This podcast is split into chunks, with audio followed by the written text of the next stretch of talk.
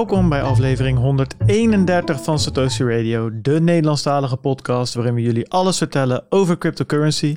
Ik ben Bart Mol en natuurlijk weer met de gebroeders Slachter, Bert en Peter. Daar zitten ze weer, de Bitcoin broers. Ja, jongens.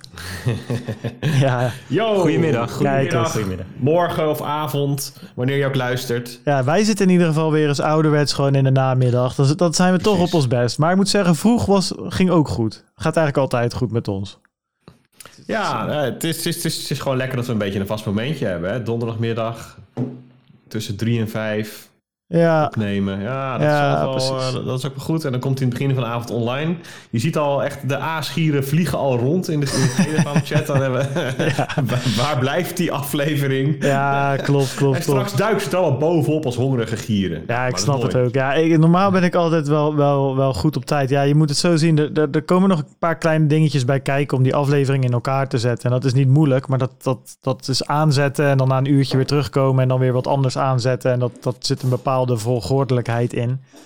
Ja, en uh, helaas uh, is Bitcoin nog geen 20, 40, 60 of 80.000 euro. Dus uh, dat betekent dat ik ook nog moet werken overdag. Um, ja, dat, dat loopt soms een beetje door elkaar. En dat was vorige week het geval. Een, in een fase van exponentiële stabiliteit. ja, precies. dat is het hem inderdaad. Dat is het hem. Dus goed, jongens, dat. Um, maar goed, we gaan, hij komt gewoon. Hij is altijd, donderdag staat hij altijd online. Behalve de live show. Dan, dan gun ik mezelf een dagje rust. En die komt altijd. Uh, dan moet je er maar live bij zijn, zeg ik altijd maar. Als je die op donderdag wil horen. Um, deze podcast die wordt natuurlijk mede mogelijk gemaakt door Bitcoinmeester, Watson Law, Ledger Leopard, Anycoin Direct, Maven, Eleven, Wordproof en Blocks. En wat grappig was, ik zag dat uh, Blocks op tv was en niet op de minste momenten in, tussen de Champions League in, na de persconferentie zag ik uh, ja, opeens allemaal Bitcoin-reclames langskomen. Nou, geinig. Uh, ik wist dat ze... Heb je, heb je, hem live gezien? Ik heb hem niet live gezien, want ik kijk bijna geen tv. Laat staan persconferenties. Want ik geloof helemaal, helemaal niks van dat gefabriceerde virus.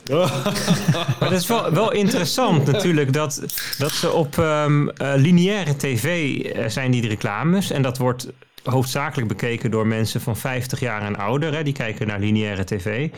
En um, is dat nou de meest low-hanging fruit doelgroep voor Bitcoin? Vraag je je dan af. Ja, maar Champions League is wel dat, als er dan nog iets is wat ik kijk op tv, dan is het nog wel voetbal. Dus uh, ja, en een persconferentie. Maar kijk je, dat dan niet in, kijk je dat dan niet in een app of zo? Ja, ik, heb, kijk, ik kijk niet zo vaak voetbal eigenlijk, maar...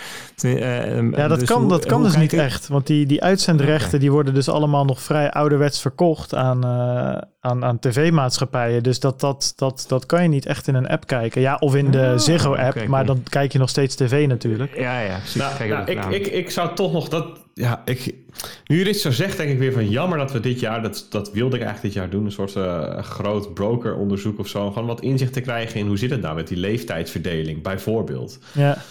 Uh, bij, onder, in het klantenbestand van uh, Nederlandse partijen. Ja, ja kunnen we volgende week uh, vragen, want dan hebben we Bram uh, Selen van Anycoin Direct. Dus nou ja, dat, dat, is, dat, is, een vraag die we in ieder geval voor kunnen leggen van tevoren. En dan, nou, als ze daar wat over kunnen zeggen, gaan ze doen. Even trouwens terug op dat virus en de persconferentie. Ik kijk persconferenties okay. niet, maar het is niet dat, dat de rest wat ik zei was natuurlijk een geintje voor de mensen die dat niet snappen.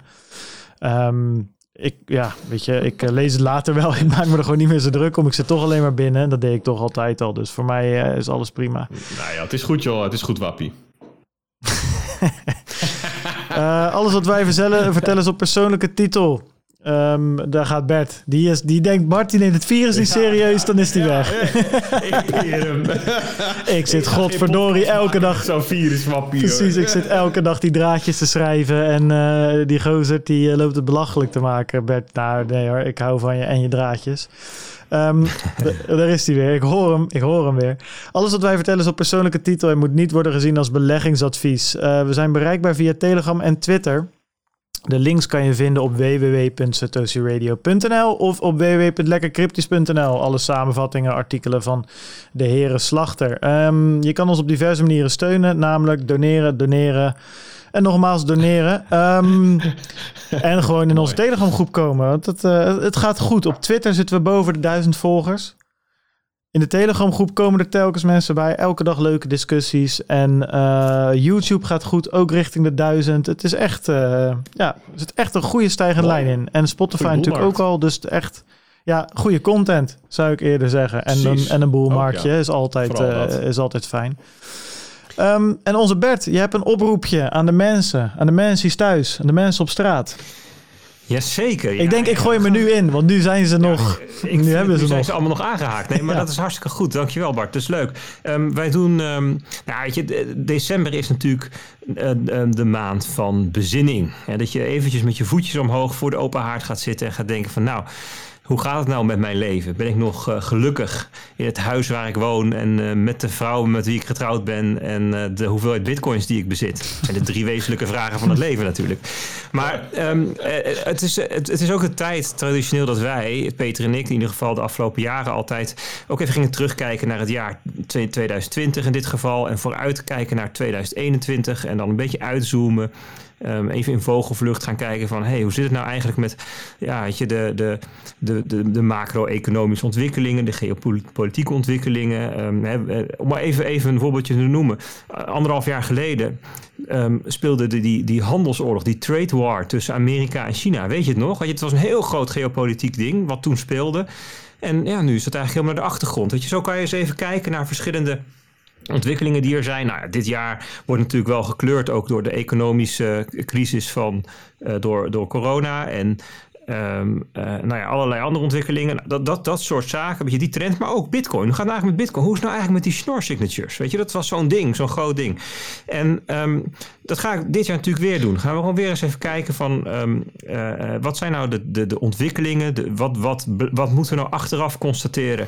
Wat was nou signaal en wat was nou ruis? Vorig jaar hadden we best wel dingen waarvan we zeiden van hé, hey, dat is interessant, daar moeten we op letten. Ik kan me herinneren dat we in 2019 bijvoorbeeld zeiden, nou, die STO's, weet je dat nog? Die security token Ja, offerings. ja, ja. Dat kon nog wel eens heel groot. Maar weet je wel, dat was zo'n ding. Nou, daar is natuurlijk weinig, echt weinig nog van terechtgekomen of zichtbaar van geworden. DeFi, hadden we het vorig jaar over. Ja, daar is, dat, dat is blijkbaar, dat was wel blijkbaar signaal. Hè, daar, is, dat, daar is wel veel uh, aandacht naartoe gegaan. Weet je, stablecoins van 4 miljard naar 20 miljard. Weet je, dat soort dingen. Dus dat, dat, dat, dat soort vragen. Hè. Wat was nou ruis? Wat was nou signaal? Wat was nou hype? Wat was nou trend? Echt mag, mag, mag, ik er eentje ingooien, Bert? Doe eens. Nou, um, vorig jaar, exact een jaar geleden, uh, was er nog geen Satoshi Radio Lightning Node. Toen was er überhaupt geen Satoshi Radio Node. Toen hadden we die zelf niet eens. Nee, inderdaad man. En ik kan me nog herinneren dat Peter eind 2019 was dat dus, wat een grote Lightning update geschreven heeft. Toen, dat, dat was ook, toen waren we bezig met evalueren ook. En zeiden van ja, we moeten eigenlijk dat, dat Lightning, dat krijgt nu al echt tractie. We zouden daar toch eens een, uh, wat meer over moeten schrijven. En toen heeft Peter dus even de hele grote update van wat is nou het afgelopen jaar allemaal gebeurd.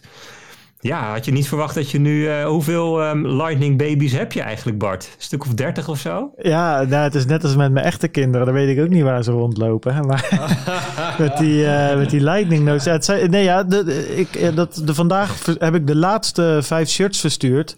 Althans, de laatste van de 25 die we beloofd hadden.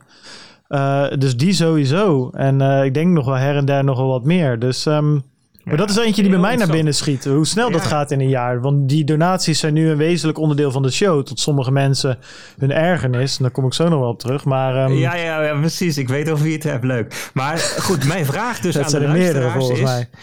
mij. Um, mijn vraag aan de luisteraars is: zou je, um, zou je ook eens wat dingen willen noemen waarvan je zegt, nou, als jullie nou gaan terugblikken en vooruitblikken, wat mag daar absoluut niet in ontbreken? En dan het liefst natuurlijk een, een, wat meer dan één woord en even iets van een klein stukje onderbouwing waarom je denkt van, nou, dit is nou echt signaal en geen ruis. Dit moeten we, dit, dit, dit moeten we zeker mee, meenemen, we moeten zeker noemen. Um, dat kun je gewoon in de chat doen met een mention naar mij of via donatie. Dat maakt eigenlijk niet zo heel veel uit, want het gaat hier meer om gewoon eens breed te inventariseren. Ik weet ook niet hoeveel karakters er in zo'n omschrijving kunnen, Bart. Van, van zijn donatie? Nou, vrij veel, want dat loopt Lappe dus niet. Uh, dat is niet documenten. Nou, dat is dus niet on-chain. dus dat de, de enige. Okay. Uh, uh, ja, je kan alles in dat uh, tekstvak plakken. Ah, oké. Okay. Nou ja, cool. Behalve SQL-injecties. Die heeft Jorijn er allemaal hardcode eruit gegooid. Dus als je okay. denkt te kunnen kapot te kunnen maken. Oké, okay, cross-site scripting kan wel, dus je kunt nog wel uh, Bart zijn uh, website slopen. Maar goed, even kijken. Uh, het, het leuk, het idee is dan, denk ik, van dat we dat misschien um, eh, in de live show. Ja, eindejaars, einde- eh, eindejaar. ja. Dat we misschien ook met elkaar terugblikken. Dat we het daar ook even kunnen meenemen. We, we, we maken er vast voor lekker cryptisch nog een paar artikelen van. We kunnen scripts Dus, van eh, vorig jaar ehm, eh, erbij pakken die we toen ook met z'n vieren gedaan hebben. Dat is natuurlijk wel leuk. Ja. Daar, daar moet wel wat, eh, wat aanknopingspuntjes in staan, denk ik zomaar eens. Zeker. Dus eh, lieve mensen, geef ons je ehm, tips over het vooruitblikken en het terugblikken. Ja. Ehm, eh, ja, dus die donaties. Ja, er zijn een paar mensen die zeggen... ja, donaties, saaiste gedeelte van de show. Andere mensen vinden het helemaal het einde. Ja, kijk, weet je jongens... ik vind het helemaal het einde. En eh, dat komt niet zozeer eh, omdat we donaties krijgen... maar meer omdat het gewoon best wel een vette interactie is. Plus ik ben nog steeds trots dat we dit zelf gemaakt hebben. Dit hele systeempje wat gewoon werkt. Als we het dan nog over de tragedy of the commons gaan hebben... dan is dit, tegen, dit, is dit mijn tegenargument eigenlijk. dat, dat, Wat, dat, wat voor eh, kritiek is erop gekomen dan? nou ja, kijk, sommige, het duurt lang. En dat, op zich kan ik dat begrijpen. En dan proberen we ook de laatste tijd wel wat sneller doorheen te gaan. Ehm, maar aan de andere kant denk ik, ja, weet je, dit, dit, eh, je moet op de een of andere manier eh, ja, interactie in je podcast krijgen. Dit vind ik een mooie manier om dat te doen. Ehm, ja, plus, ja, wat, wat, wat wil je dan? Weet je, je moet meer reclames of whatever. Het het- ja, elke week een podcast maken. eh, zeker nu op afstand en daar de juiste apparatuur voor kopen. Dat kost ook weer geld. Dus dat is, dat is soms lastig. Ehm, ze zijn ook een beetje zoekende, maar ik vind dit per, per persoonlijk een veel toffere manier dan, dan, ja, dan maar gewoon de oude weg te nemen van zoveel mogelijk advertenties in een podcast eh, fietsen. Daar proberen we eigenlijk nog meer van af te blijven. Ik denk dat dat schadelijker is dan, dan de donaties die we krijgen. Ehm, ik wil eerst met wat anders beginnen. Ik heb het onder het kopje donaties gezet, omdat het. eh, nee, ik, ik, kreeg- een berichtje op Instagram van een aantal eh, eh, gasten die, die de Bitcoin standaard aan het, op, op Instagram, op Telegram, die de Bitcoin standaard aan het vertalen zijn. Het boek waar we het al vaak over gehad hebben van ja, Saifedean uh, Emu, zo heet die eh gozerd. Nou ja, het is een bekende boek in ieder geval, de Bitcoin Standard. En ehm, ja, de meningen zijn er altijd over verdeeld. Eh, Hadden jullie hem gelezen? Ik nog niet namelijk. Hmm. Ik heb hem niet van voor tot eind gelezen, nee. Nee, nou ja, goed. Dat wilde ik dus nog een keer gaan doen, maar het is nooit echt ervan gekomen. En eh, toen zag ik deze vertaling, toen dacht ik, dat is leuk. Jij Bert? In het Engels of in, nee, bedoel, bedoel je in, in het Nou, gewoon Nederlands? überhaupt, het, het boek. Oh, überhaupt. Ja, ja, überhaupt heb ik hem wel gelezen. Ja. Zeker wel, ja. ja. Dus ehm, nee, ik dus niet. En ik dacht, nou, dat, dat Nederlands is wel een leuke. Dus hij stond bij mij sowieso al op het lijstje om, eh, om te kopen. Toen kreeg ik een berichtje. Ja, en dat is toch wel de perk of being an influencer. Ja, Bert, jij zal er wel aan gewend zijn. Ik bedoel, bij jou eh, worden waarschijnlijk de Poolse bruiden gewoon gratis eh, op de stoep gezet.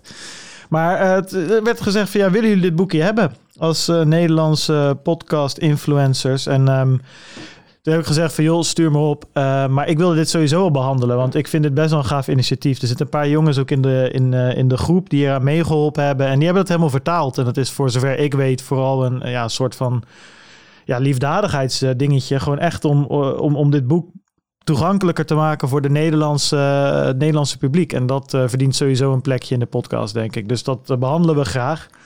We hadden ook een reflink. Nou ja, ik ben niet zo van reflinks, jongens. Dat, ik, ik, dat kost allemaal moeite om dat bij te houden en zo. Dus daar heb ik nooit zo zin in.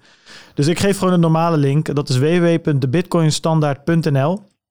Als je daarheen gaat, dan kan je dat boekje gewoon bestellen. Eh 30 eurotjes. Dus dat, dat is ook niet breaking the bank of zo. Ja, dit is hem. Ja, het is toch geinig. De Bitcoin standaard. Ja, ik weet niet of die nu... Volgens mij komt hij er eh, gespiegeld doorheen. Maar goed. Whatever, het is hem. Hey, En, eh, het ziet er vet uit. sorry? Het was goed, goed zichtbaar. Oké, nou top. Het was slim businessmodel voor, eh, voor Sa Safidien. Ja. Safi. Ja, dat is, 17, 17. Ja. ja zo, zo, gaat het ook met jullie boek straks, jongens. Het wordt ook gewoon vertaald. En dan krijg je gewoon royalties op. Nee, dus vet. Eh, nou ja, wat ik zeg, www.debitcoinstandaard.nl en eh, daar kan je hem bestellen. ehm, in al, alle talen die je wil. Maar nu dus ook de Nederlandse. Dus voor de jongens die eraan meegewerkt hebben, tof gedaan. En vet dat hij nu beschikbaar is. Ehm, donaties. Nou, daar gaan we. Brisk, 5 euro. Dank voor het shirt. Heel tof. Succes met de aflevering. En knal maar even door de 20k. Misschien hadden we die vorige week ook al behandeld. Anders krijgt krijg, anders krijgt Brisk twee donaties eh, voor de prijs van één in ieder geval. Kilo Bravo, 5 eurotjes. Stuurt Betje Geo t-shirt ontvangen. Super bedankt. Kan eindelijk shinen in de sportschool. Hashtag free the nipple, body positivity. ja, hij had een eh, fotootje doorgestuurd. Ja, daar kwamen ze goed doorheen. En ja, de, ik kan niet anders zeggen dat ik daar toch redelijk berig van werd. Ehm, Dus Kilo Bravo, jongen. Ja, gewoon free the nipple, zo is het. Body positivity, geen body shaming bij ons in de groep. Ehm, je bos die stuurt een eurotje. Uh, oh ja, uh, ja de, uh, hierdoor duurt het altijd zo lang. van, dit soort, van dit soort luisteraars die daadwerkelijk vragen stellen. Wat vinden jullie van de Stable Act? Is regulatie die stablecoins wil verbieden, die niet door de federal bank zijn uitgegeven. PS, zoals altijd, goede aflevering, heren. Luister elke week met plezier. Thanks, je bos. Um, ja, hebben we dat ergens ertussen staan, die Stable Act? Of hadden we deze keer zoiets van, nou, we hebben wel genoeg KYC gehad voor de komende paar weken? Voor de komende paar weken ook echt. Uh, ja, we, we, hebben er wel tussen staan, maar wel vanuit een andere richting. Dus wij, niet specifiek om het over de Stable Act te hebben. Nou ja, het, het is ook een beetje wat we vorige week, um, uh, waar we het toen ook over hadden. Ik weet niet, dat hebben we toen uiteindelijk niet helemaal meegenomen. Maar dat stukje wat Lagarde geschreven had op de ECB-website, daar kwam ook wel heel duidelijk in terug. En ook dat stuk van de FATF, waar we het die weken voor over gehad hebben dat uh, ze in Bitcoin niet eens zozeer de grootste uh, uitdager zien. Het is meer stablecoins en dan uh, stablecoins zoals Tether en noem het maar op, maar ook zoals Libra of nu Diem, zoals het nu heet. Ze zijn eigenlijk vooral bang volgens mij dat die, dat die grote fintech-reuzen er vandoor gaan met. Um, met, met het geld, met het nieuwe digitale geld. En daar zitten ze nu. En ik denk dat die Stable Act daar vooral op gericht is. En dat alle andere cryptocurrencies een soort van bijvangst zijn.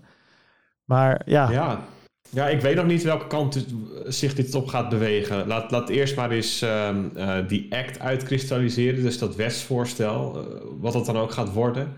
Het is ook een beetje een rare tijd om nieuwe wetsvoorstellen in te dienen. Want eh, volgens mij zijn er nog maar een paar weken waarin ze behandeld kunnen worden. En ja dus, dus, dus het is sowieso al onzeker of die er komt, of die er in de huidige vorm komt. Uh, en ja, als, als er dus iets gebeurt en het komt er doorheen, wat er dan gaat gebeuren. Um, hoe, wordt er, hoe wordt daar dan toezicht op gehouden? Hoe wordt het gereguleerd? Wat gebeurt er dan met de DICE van deze wereld bijvoorbeeld? Uh, zijn er dan banken, bijvoorbeeld vanuit Wyoming, die een soort gelijk product gewoon lanceren en, en, en heeft het dus weinig impact? Ja, vooral veel vragen heb ik erbij. En, en uh, op zichzelf doet het me in die zin niet zo heel veel. Nee. En dat komt ook vanwege wat jij net zei. Alle pijlen lijken gericht op iets anders dan, uh, dan Bitcoin. Ja, dat idee heb ik ook. Of in ieder geval, ja, dat, dat idee heb ik dus wel. Dat sowieso, ze noemen heel erg stablecoins. En uh, in de crypto-wereld trekken we dan direct, oh, dat moet Tether zijn. Maar ik denk dat ze met stablecoins nog meer gewoon munten van bijvoorbeeld een Libra bedoelen. Um, want daar zit echt geld achter om, om daadwerkelijk door te stoten naar zo'n. Uh, om echt een concurrent te zijn voor zo'n central bank digital currency. En daar hebben ze zoiets van ja. Weet je, we lopen qua digitale infrastructuur lopen we al lichtjaren achter op die partijen. Als die nou ook nog eens hun geld erin gaan stoppen om geld te maken, en niet alleen maar uh, uh, Facebook, Instagram en andere platformen. Ja, ja, dan staan we er niet zo goed voor als centrale banken. Want ja, weet je, je hebt op private banken die, al die alle geldcreatie eigenlijk doen de afgelopen jaren. En dan heb je ook nog eens al die fintechs die opeens stablecoins gaan maken en, en een veel beter betalings, uh, uh, betalingsinfrastructuur op, poten zetten. Ja, wat doen wij dan nog als centrale bank? En dat is best wel een, een valid concern, zoals de Amerikanen zouden zeggen. Dus, uh... Ja, en het is ook niet zo'n gekke, gekke wet, wetsvoorstel. Er is volgens mij ook al veel vaker over gesproken trouwens. Maar die wet die, die, waar het amendement op gericht is, die bevat wel allerlei uh, manieren om te voorkomen dat er andere partijen dollars uitgeven dan banken die iets te maken hebben met het federale systeem daar in de VS. Ja, ja, ja dat is een kwestie van tijd. Er worden gewoon dollars uitgegeven. Dus ja, uh, het, het, is, het lag wel voor de hand dat, dat zoiets zou gaan gebeuren, eerlijk gezegd. Ja, nee, eens. Dus die stablecoins en stable acts, ja, moet me verder op inlezen, maar ik maak me er niet zo druk om. Ik zag trouwens wel dat in, in Frankrijk, ja goed, hoe ver dat dan weer door de, door de regulatiepijplijn is, weet ik ook niet. Maar dat daar nu ook een KYC-achtige wet voor crypto to of peer-to-peer transacties zou komen. Ja, nou ja, hoe ze dat überhaupt willen gaan doen, dat weet ik ook niet. Maar dat, is nog wel, dat vind ik dan interessanter om in de gaten te houden. Omdat dat wel gewoon, nou, voor zover ik kon inschatten, gericht was op een bitcoin bijvoorbeeld. En dat vind ik dan interessanter uh, dan, dan zo'n stable act. Nou ja, goed. Uh, je bos, ik hoop dat dat een uh, antwoord op je vraag was. Frank, die stuurt gewoon omdat het kan. Vijf eurotjes. Frankie, dankjewel jongen. Marcel Mink, onze grote lightning koning. stuurt 5 euro. Ze zegt, bitcoin is niet het nieuwe goud. Ja, Marcel die klapte dan weer met, even gewoon met zijn hot take, weet je wel. Zo'n bombshell klapt hij erin. Het is een alternatief voor goud. Eh, dit is naar aanleiding van uitspraak Ray Dalio. Eh, ik snap niet dat het nog steeds met goud wordt vergeleken. De verschillen zijn zo enorm. Meesten zijn al genoemd, transport, schaarsheid, etc. Maar het belangrijkste verschil voor mij is het onderkennen van de waarde van bitcoin. Zodat dit het geval is, zal bitcoin goud toch wel inhalen, toch? Marcel, jongen. Onnavolgbaar, maar ik doe het ervoor. nou, op zich vind ik, eh, vind ik wat, wat hij zegt wel interessant. Kijk, ik denk dat die vergelijking steeds gemaakt wordt, omdat het voor mensen gewoon fijn is om het met iets te vergelijken wat ze al kennen.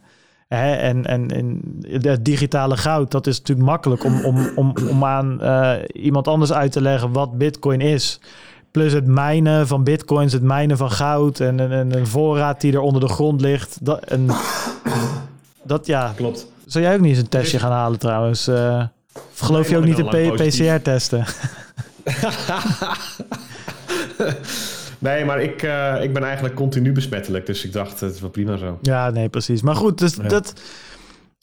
Maar aan de andere kant, ik ben het wel met, uh, met Marcel eens. Er zijn wel grote verschillen tussen goud en bitcoin. En dus, dus waarvoor zou je het zo, zo hard die vergelijking maken? Ik denk gewoon omdat het fijn is om vergelijkingen te maken, Marcel. Ik denk dat dat ja, het dat het meest herkenbare station is. Dus ja, dan moet je eigenlijk even teruggaan naar de, naar de ontdekkingsreis die heel veel mensen, eigenlijk iedereen denk ik wel, maakt als je met bitcoin in aanraking komt. Dus eerst vind je het een scam, alleen maar voor criminelen. En dan kom je erachter dat je het niet begrijpt en heb je daar vrede mee. Uh, nou, dan beslis je om het eens een keer te proberen. Je gaat je inlezen. En de, een van die stations is, hey, het, het, het heeft een soort van eigenschappen van goud, gewoon qua waardepropositie. En dat is een heel herkenbaar station. En er zijn er is een bepaalde massa van, van mensen en bedrijven die dat zien. En nu is dat het dominante verhaallijn. Het is, het is ook als je nog, nog helemaal niet op reis bent een herkenbaar iets. Dus ja, daarom hoor je dat vaak. Maar het zijn natuurlijk hele verschillende dingen. Dus het, zijn, staat los van elkaar. Ja. Ja, ja, goed. Ik denk dat er ook wel hele grote overeenkomsten zijn. Als ik, uh, wat Marcel die noemt schaarsheid bijvoorbeeld als een verschil, denk ik, nou, dat, dat, dat vind ik juist de overeenkomst. Weet je, bij de ene zit het verborgen in de aarde en bij de ander zit het verborgen in de code. En je moet het eruit hakken met veel pijn en moeite. Dat, dat, dat is nou juist iets wat volgens mij wel. Uh, overeenkomt. Nou goed, uh, Marcel, laat het in de chat er verder uh, over hebben. Marky natuurlijk, om mee af te sluiten. Een eurotje. Hij zegt, haha, de knapste van de drie. Ja, dat hadden we hem gevraagd natuurlijk, vorige week. Hij zegt, daar laat ik me niet over uit. Uh, maar als het om de inhoud gaat, gaat, dan vullen jullie elkaar goed aan. En blijf ik dus luisteren. Ja, dat, dat is mooi om te horen. Ik, ik zei ook al in de chat van, joh, dit is echt een bekwaam politicus. Dat hoor je zo. Ja, als Bert geen leider van de Bitcoin-partij wil worden, geen lijsttrekker, dan uh, kan ja, Marcel het worden, denk ik. Of Mark bedoel ik. Ja, of Marcel, whatever. We hebben zoveel van die legends in de community lopen. Uh, misschien moet dat een soort van. Uh, kan iemand ook lijstduwer worden? Dat schijnt ook een ding te zijn in zo'n partij. Um, en ik heb, ik heb nog een, uh, een leuke afsluiter. Uh, ik, als ik ze nu en dan door de donaties ga in onze uh, BTCP-server backend, dan zie ik ook donaties die er niet helemaal goed doorheen zijn gekomen. En ehm, dat is vaak omdat er dan on-chain betaald wordt.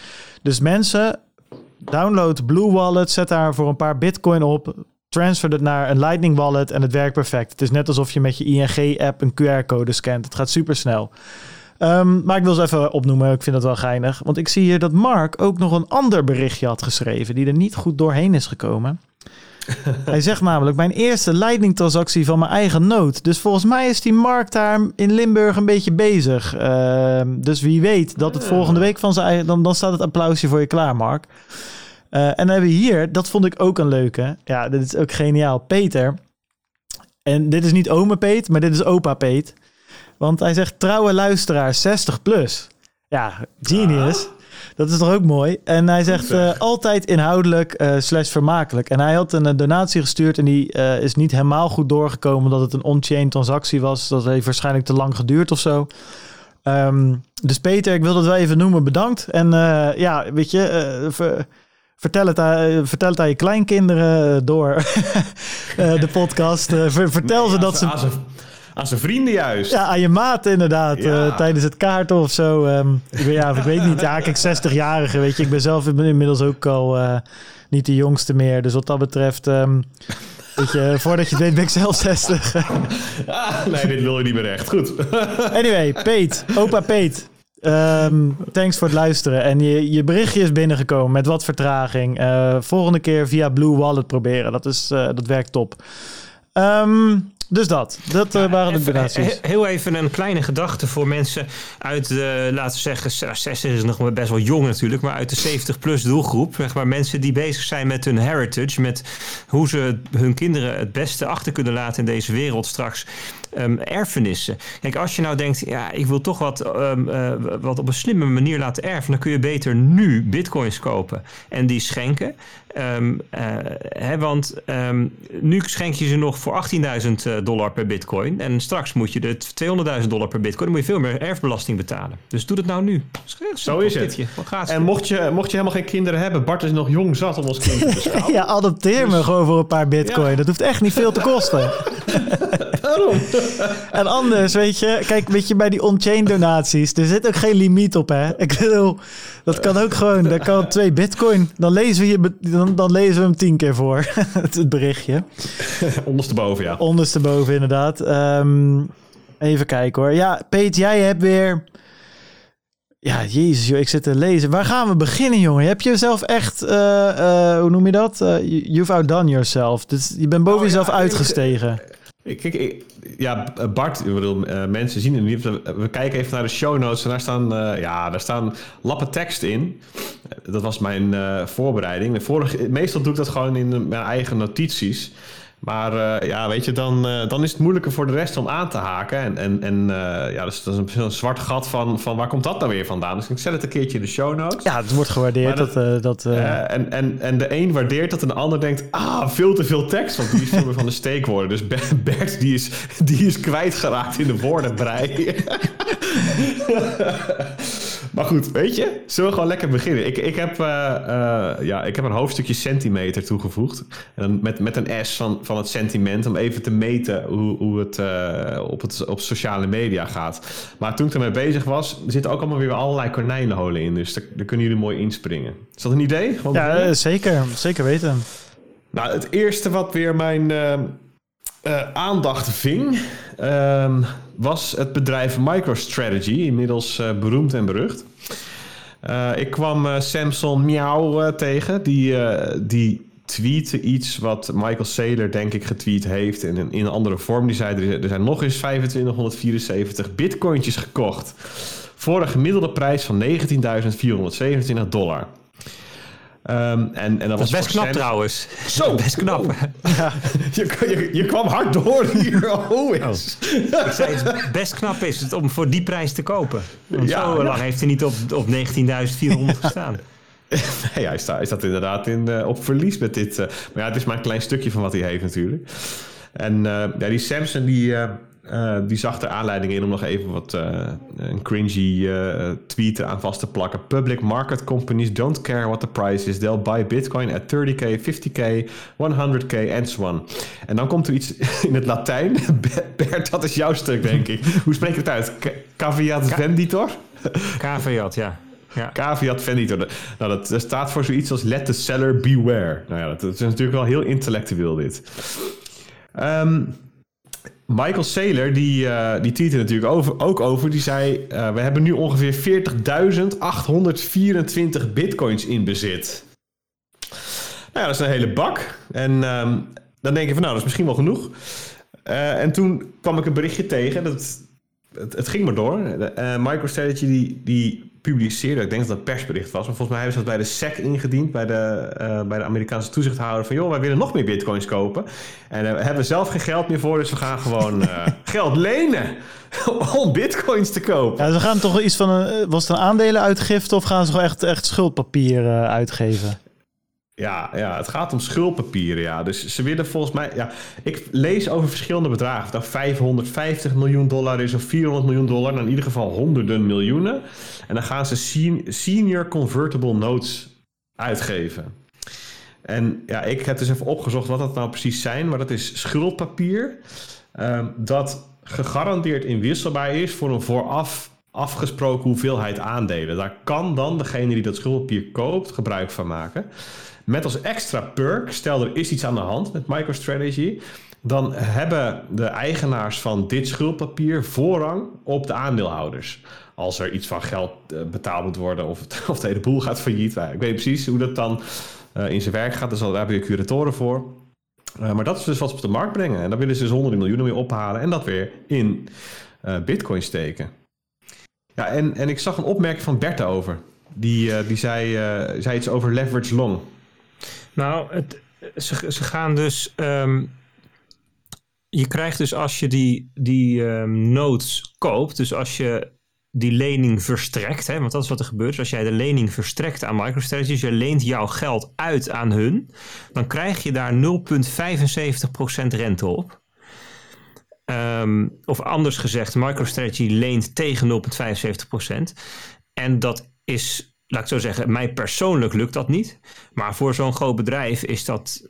Hè, voor, hè, voor, voor, voor een, um, laat ik zo zeggen, ze hebben nog, ze hebben nog geen schulden. Hè? Dus MicroStrategy heeft geen schulden, schuldenvrij bedrijf nu. Um, en ze hebben wel heel veel bezittingen. Ze hebben bitcoin op de balans voor, nou ja, volgens mij is het nu tussen 600, 700 miljoen wat er op de balans staat. Soms nog meer, weet je, die orde grootte. Dus um, het is best wel een hele veilige uh, lening. En je krijgt er 0,75% rente op. Bij de bank moet je geld betalen.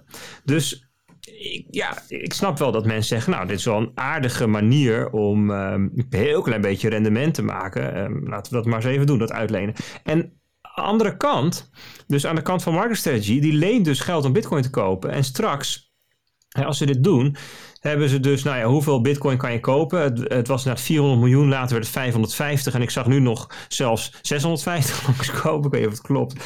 Maar daar kun je dus nog wel, hun positie kun je daar wel, nou ja, niet verdubbelen, maar gaat wel in die richting van verdubbeling. En als ze dat zouden verdubbelen, dus ze hebben, straks, ze nu 40.000 bitcoin, straks 80.000 bitcoin.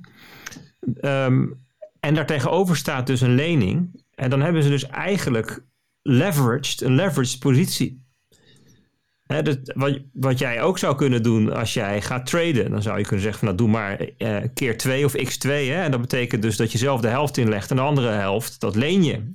Nou ja, als je dat bij Bitmax doet, dan betaal je wel meer dan 0,75% per jaar trouwens. maar, maar uh, um, uh, ja, dat is, dat is een feit wat aan het doen is.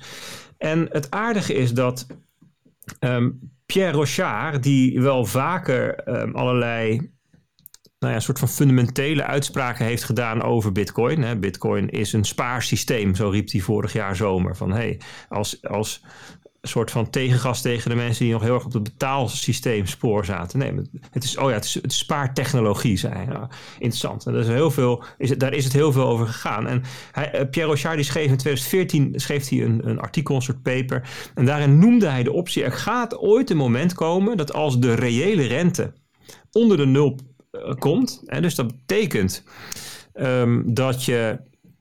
Um, even kijken, wat is reële rente? Dat betekent dat de rente um, lager is dan de inflatie. Dat is volgens mij het verhaal. Dus dat de inflatie eigenlijk zo hoog wordt. Zeggen, nou, kan uh, kan, hè, dat lenen is dan heel. Dan, dan wordt dit een no-brainer. Dus dat je leent om Bitcoin te gaan kopen. Hè, dus hij had eigenlijk zes jaar geleden al voorspeld dat dit ging gebeuren. En nu is dus het ook weer de vraag op Twitter van... Um, heeft Pierre Rochard het goed voorspeld? Of heeft Michael Saylor het stuk van Pierre Rochard gelezen en gedacht, hm, goed plan? Ja, ik denk wat wel, wat wel, goed, is om, wat wel goed is om erbij te vertellen, is dat, uh, ik heb het ook even eh, doorgenomen en wat die Pierre Rochard zegt is, is niet, of in ieder geval hij noemt, of in ieder geval dat stukje wat er in die, in, in die, in die tweet die jij linkt, Bert, staat, is uh, wat hij zegt, at that point it becomes a no-brainer to borrow the weak local currency using whatever collateral a bank will accept, invest in a strong foreign currency and pay back the loan later with realized gains. En wat ik een heel belangrijk dingetje vind, is die, is die invest in a strong foreign currency. En Michael Saylor die denkt inderdaad, ja, Bitcoin is uh, een uh, zwerm van, uh, van cyber hornets of whatever. Dus dat, dat is die strong currency. En dan maar is dat het ook? Dat, dat, dat is de vraag. Ja, wij, wij denken natuurlijk van wel, uh, met, met z'n allen. Maar dat is, dat, daar zit het risico. Als Bitcoin namelijk niet die strong currency is, maar ehm, weet ik veel, kapot gereguleerd wordt. Of er zit een bug in de techniek waar we over een jaar achter komen. Dat soort dingen. Dan is het geen strong currency. En dan uh, ben je natuurlijk de lul met je leverage positie, om het maar even heel uh, duidelijk te zeggen. Dus die, die, die, die, die strong foreign currency, want je zou het in dit geval ook kunnen vergelijken. Jij, jij woont in Venezuela, waar ze bolivars hebben. De rente is laag, dus je kan daar een lening nemen van 1000 bolivars. Daar koop je direct dollars van. De bolivar die dondert nog verder in elkaar. Nou, rente hoef je amper te betalen. Je, je uh, betaalt je lening af en je houdt dus een gedeelte dollars over. De winst eigenlijk. Dat, dat is wat je hier ook ziet. Alleen dan is dus de vraag, ja, is de dollar de bolivar en is uh, bitcoin die stable currency? Daar, eh, dat gaan we zien. Dat is super spannend natuurlijk. Want daar, daar valt of staat dit, dit plannetje van Sailor wel mee. Want hij neemt wel een berg risico, jongens. Ik bedoel, we zitten nu gewoon uh, full retard uh, Bitmax uh, gokken, zien we hier. ja, dus is, het nou, is het nou casino van, van Taylor? Is die, is die, of Sailor bedoel ik, is die nou, is die nou gewoon echt, gaat hij hiermee te ver? Nou, misschien wel leuk om even, even een feitje in te brengen. dat zag ik langskomen van ons, een van onze vaste luisteraars, Bitomic. Uh, uit het New York Times archief. Ja. Sorry, hij was te flauw. Hij was te flauw. Nee, Tom, ik zag een berichtje van Tom langskomen. Die haalde iets uit het New York Times archief. Dat was een berichtje van 15, uit uh, 15 december 2000. Um, daarin staat dat uh, Michael Saylor in het verleden aangeklaagd is voor fraude door de Amerikaanse toezichthouder, de SEC.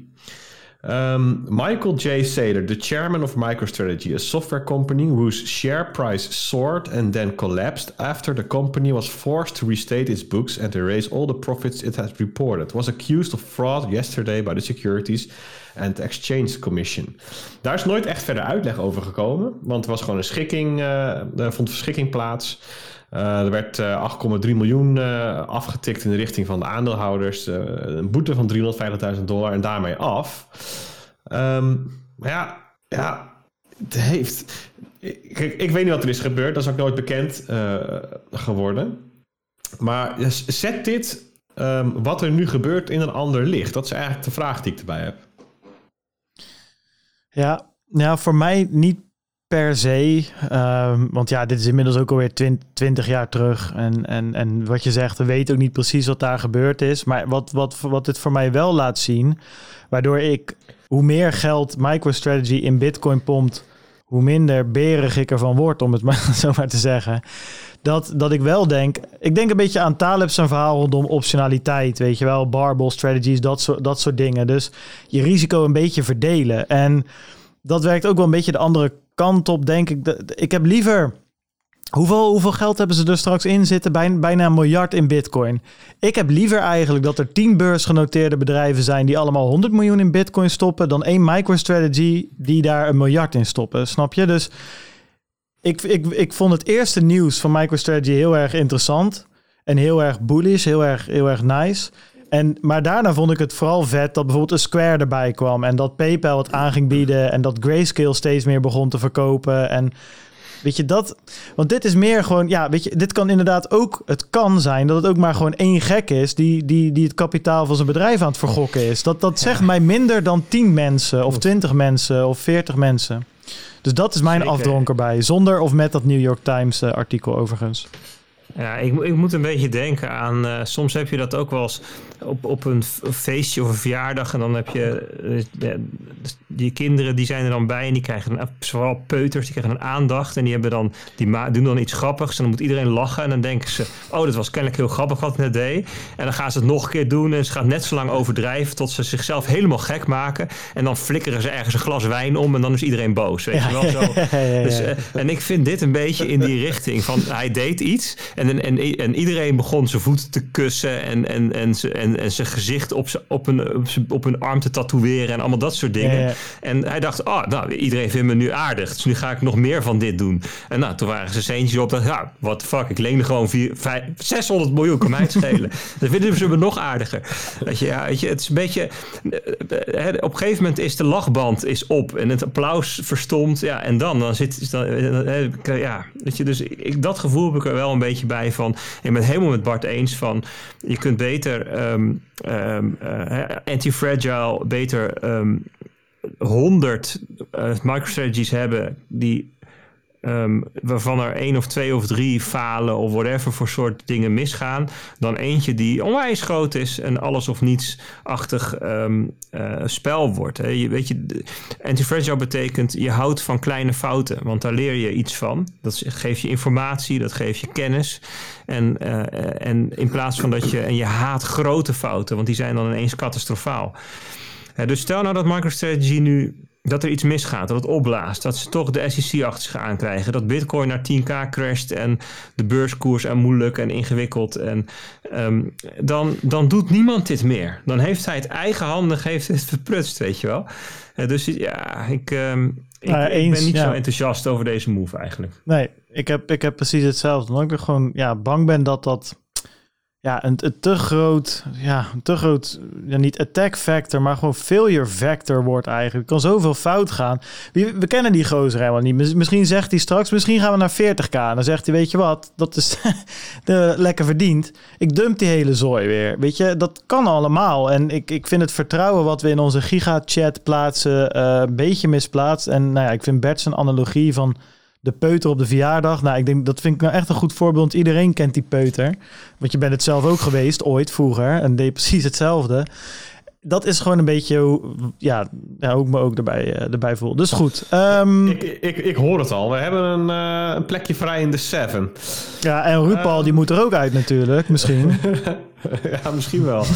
hey, ik, ik vroeg me nog af ehm, wie dan die schuldpapieren die zij uitgeven zouden kopen. Ja, dat is ook nog een goeie. Hè, want, eh, oké, dus, dus er is een incentive van rente. Maar ja, het is niet heel bijster veel. Ik las wat, en- Peet. Ik las wat. Ehm, de Amerikaanse overheid, of de centrale bank daar, de Fed, die eh, met die QE-programma's die ze overal natuurlijk aanstomen, schijnen ze dus gewoon alles op te kopen. Of in ieder geval, ja, eh, misschien ook niet. misschien gaat dit wel heel ver. Maar ze kopen daar ook eh, eh, Dat zou ik aandelen. wel komisch vinden trouwens. Dat zou geniaal zijn. Dan, dan zou ik het een mooie move vinden. Als die gewoon letterlijk aan die moneyprinter zelf gewoon met zijn tasje staat. ja, dat, hij, dat hij over een paar maanden zegt... Kijk, de, de Fed heeft bitcoins op de balans. Mwah. ja. Goed, dat las ik ergens. Maar goed, dat was niet onderbouwd verder hoor. Dus ik, eh, maar ik weet wel dat, dat ook de, eh, de ECB... Zijn niet alleen maar eh, staatsobligaties die ze kopen. Hè? Er, dat, er was natuurlijk dat hele gedoe met, eh, met al die ehm, modemerken... die via, via, via, via op een gegeven moment ook aan dat staatsinfuus lagen... en daarmee gewoon hun overnames aan het financieren waren. Ja, Ehm, ik, ik heb eh, vorige week, of het was deze week nog, weet ik niet precies, maar heb ik even gekeken naar de. ehm, naar waar, eh, hoe die 700 miljard van de ECB nou geallockeerd is. Maar dat is wel echt voor eh, 90 plus procent zijn dat nog gewoon publieke schulden. Dus overheidsobligaties. Ja, maar het gaat maar om 500 miljoen hier. ja, dat, dat is zo. Dus doe jij doe, maar een druppeltje van het infuus uiteindelijk bij Michael Saylor te komen. En die, die weet wel wat hij ermee gaat doen. Ja, ik weet Niet, niet. van, niet, niet van de ECB, dat zou dan van een Fed moeten zijn. Ja, precies. Maar ja, die, die printen net zoveel. Ik zag eh, een draadje van eh, Ryan Todd hierover. Mhm. dat, dat is iemand die bij de blok werkt als onderzoeker. Althans, zo, eh, zo, zo vermeldt hij zijn eigen titel in ieder geval. Ik ken hem niet, maar hij schreef over eh Rentech. Eh, die, die, als, als op twee na grootste koper van de aandelen van MicroStrategy. En dat is een Amerikaans hedgefonds, hedgefund, met 110 miljard assets under management. Die alleen al in juni hun MicroStrategy-positie, dus aandelen van MicroStrategy, vier keer vergroot heeft. En, en eh, hij heeft helemaal op een rij gezet van waar is nou, eh, bij welke partijen, welke soort partijen zijn, eh, hebben netto die aandelen verkocht en welke hebben ze gekocht. En bij de kopers zitten brokers, family offices, vermogensbeheerders. Dus in feite functioneren die uitgegeven de aandelen nu van MicroStrategy als een quasi Bitcoin ETF. Nou ja, en, en op die manier zouden die schuldpapieren natuurlijk ook kunnen functioneren. Ja. Uh, dus, dus eigenlijk gewoon een, een relatief omslachtige, slash veilige manier om aan bitcoin blootgesteld te zijn. Ik kan er niet in meegaan. Ik Weet je, ik, don't shoot the messenger, hoor, dus voel, voel je vooral zelf niet aangevallen. Maar eh, waar slaat dat op? Weet je, je hebt toch inmiddels zoveel van die ehm, eh, grayscale-achtige partijen waar je als, als, als, eh, als family fund gewoon terechtkomt. Dan ga je toch niet bij, bij Sailor zijn, eh, zijn clubje... eh, Ja, Ja. natuurlijk ja, niet als het om instrumenten gaat waar je, waar je mee bekend bent. En je hebt de infrastructuur om die, eh, om die bijvoorbeeld gewoon aandelen te kopen of schuldpapieren. En je hebt nog niet de infrastructuur of je bent nog niet aangesloten op de, op de cryptomarkt of op een instelling die iets met crypto doet. Dan kan ik me dat voorstellen. Maar...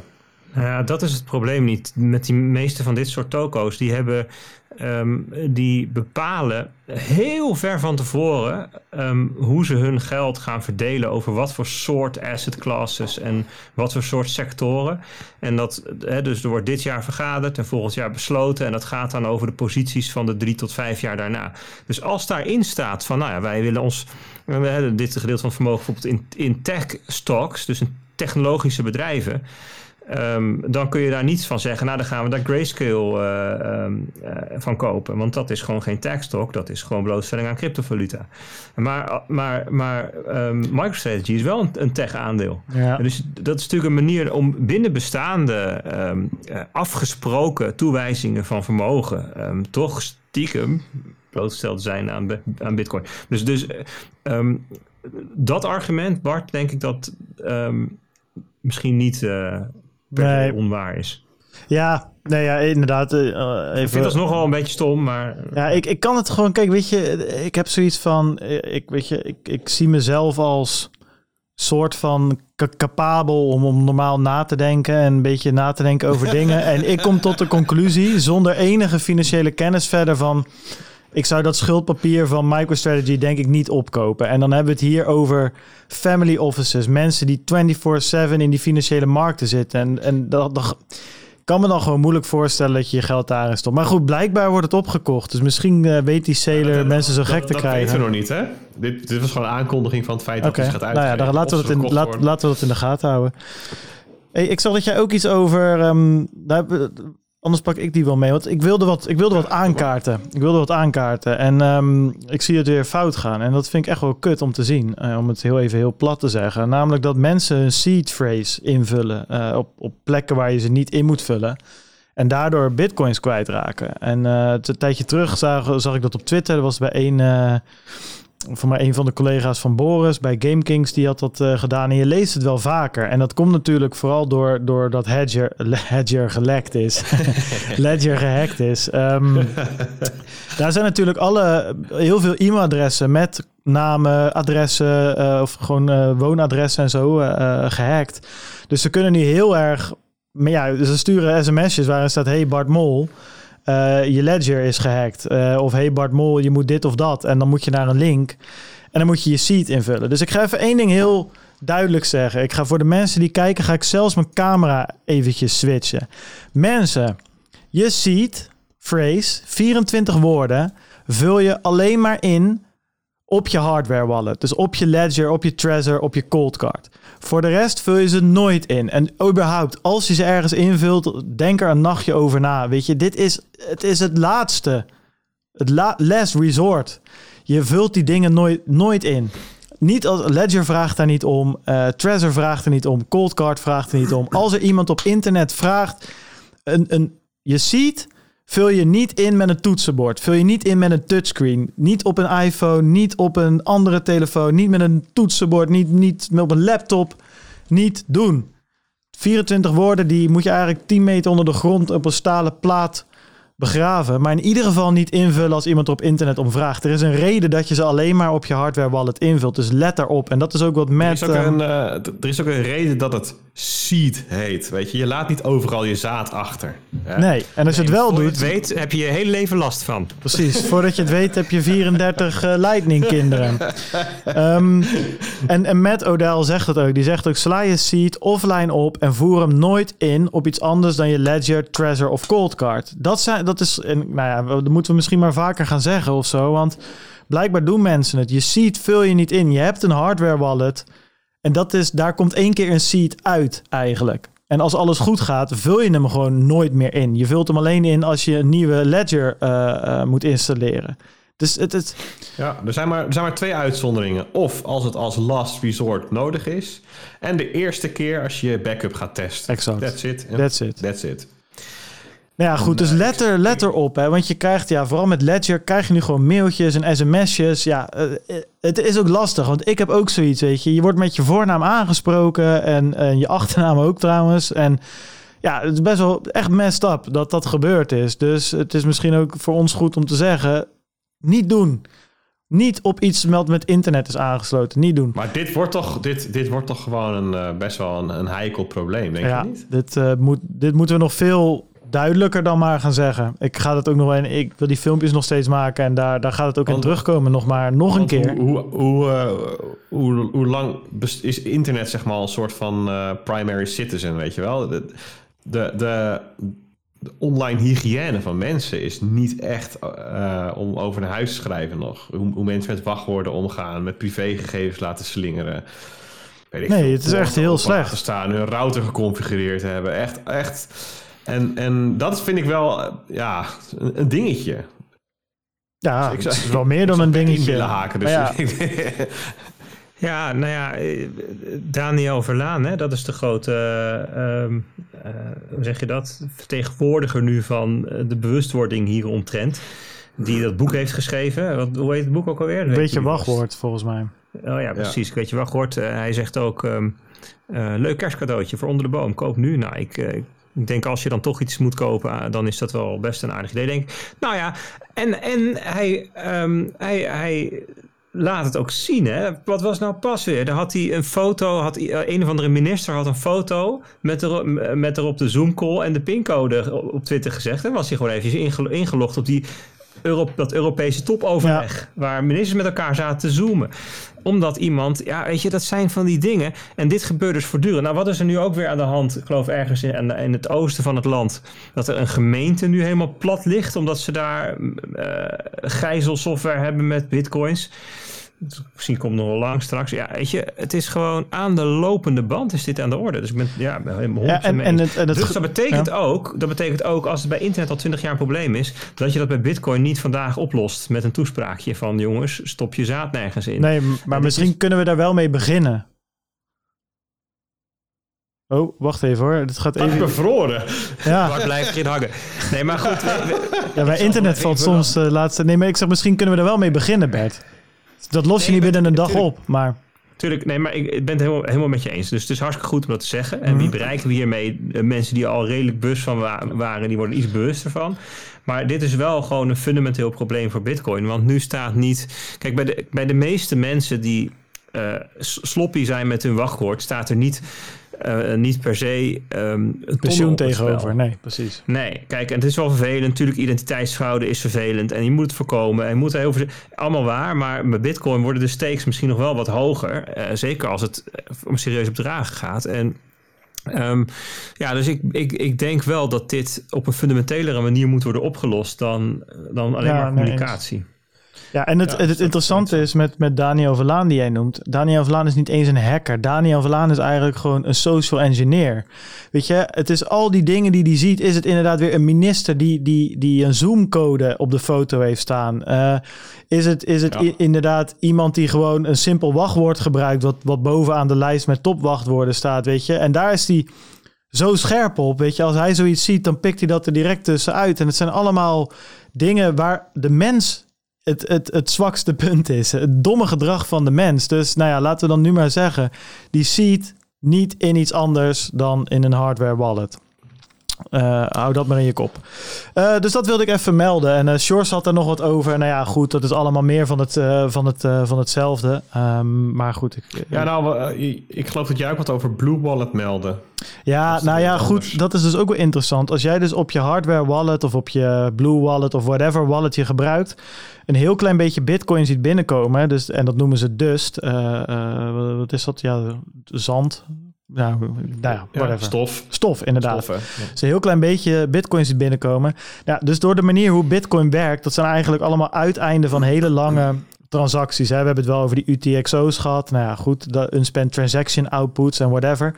Dus eigenlijk wat iemand doet, je moet het zeg maar zien alsof je een soort van um, uh, GPS chip in, in, in een euro zet. Dus al jouw euro's in je portemonnee zijn eerder bij andere mensen ook in een portemonnee geweest. En weer bij andere mensen in een portemonnee. En wat iemand nu dus eigenlijk doet, is die geeft jou een euro en die zegt, nou mag je hebben. En jij zegt, nou chill, thanks, dankjewel. Een extra euro, die neem ik aan.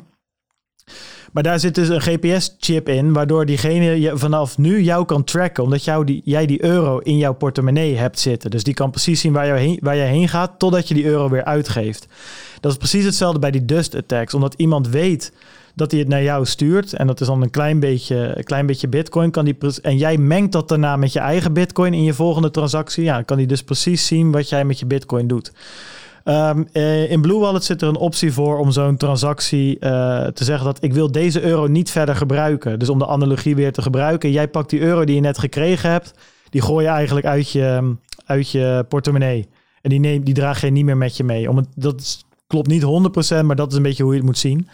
Um, dus vond ik interessant. Uh, dat is toch weer, ja, weer, een, een, weer een manier waarop uh, personen um, ja, je proberen te tracken via, uh, ja, ja, via de infrastructuur die Bitcoin biedt. vond ik interessant, best wel origineel. En, en Bitcoin weer een beetje schaarser wordt. ja, dat ook nog eens. Ja, ja misschien wordt het, hou het maar, misschien wordt het nog wel wat waard uiteindelijk. Ja, dus goed, hey, wat voor dingetjes zullen we nog uitpikken, Peet?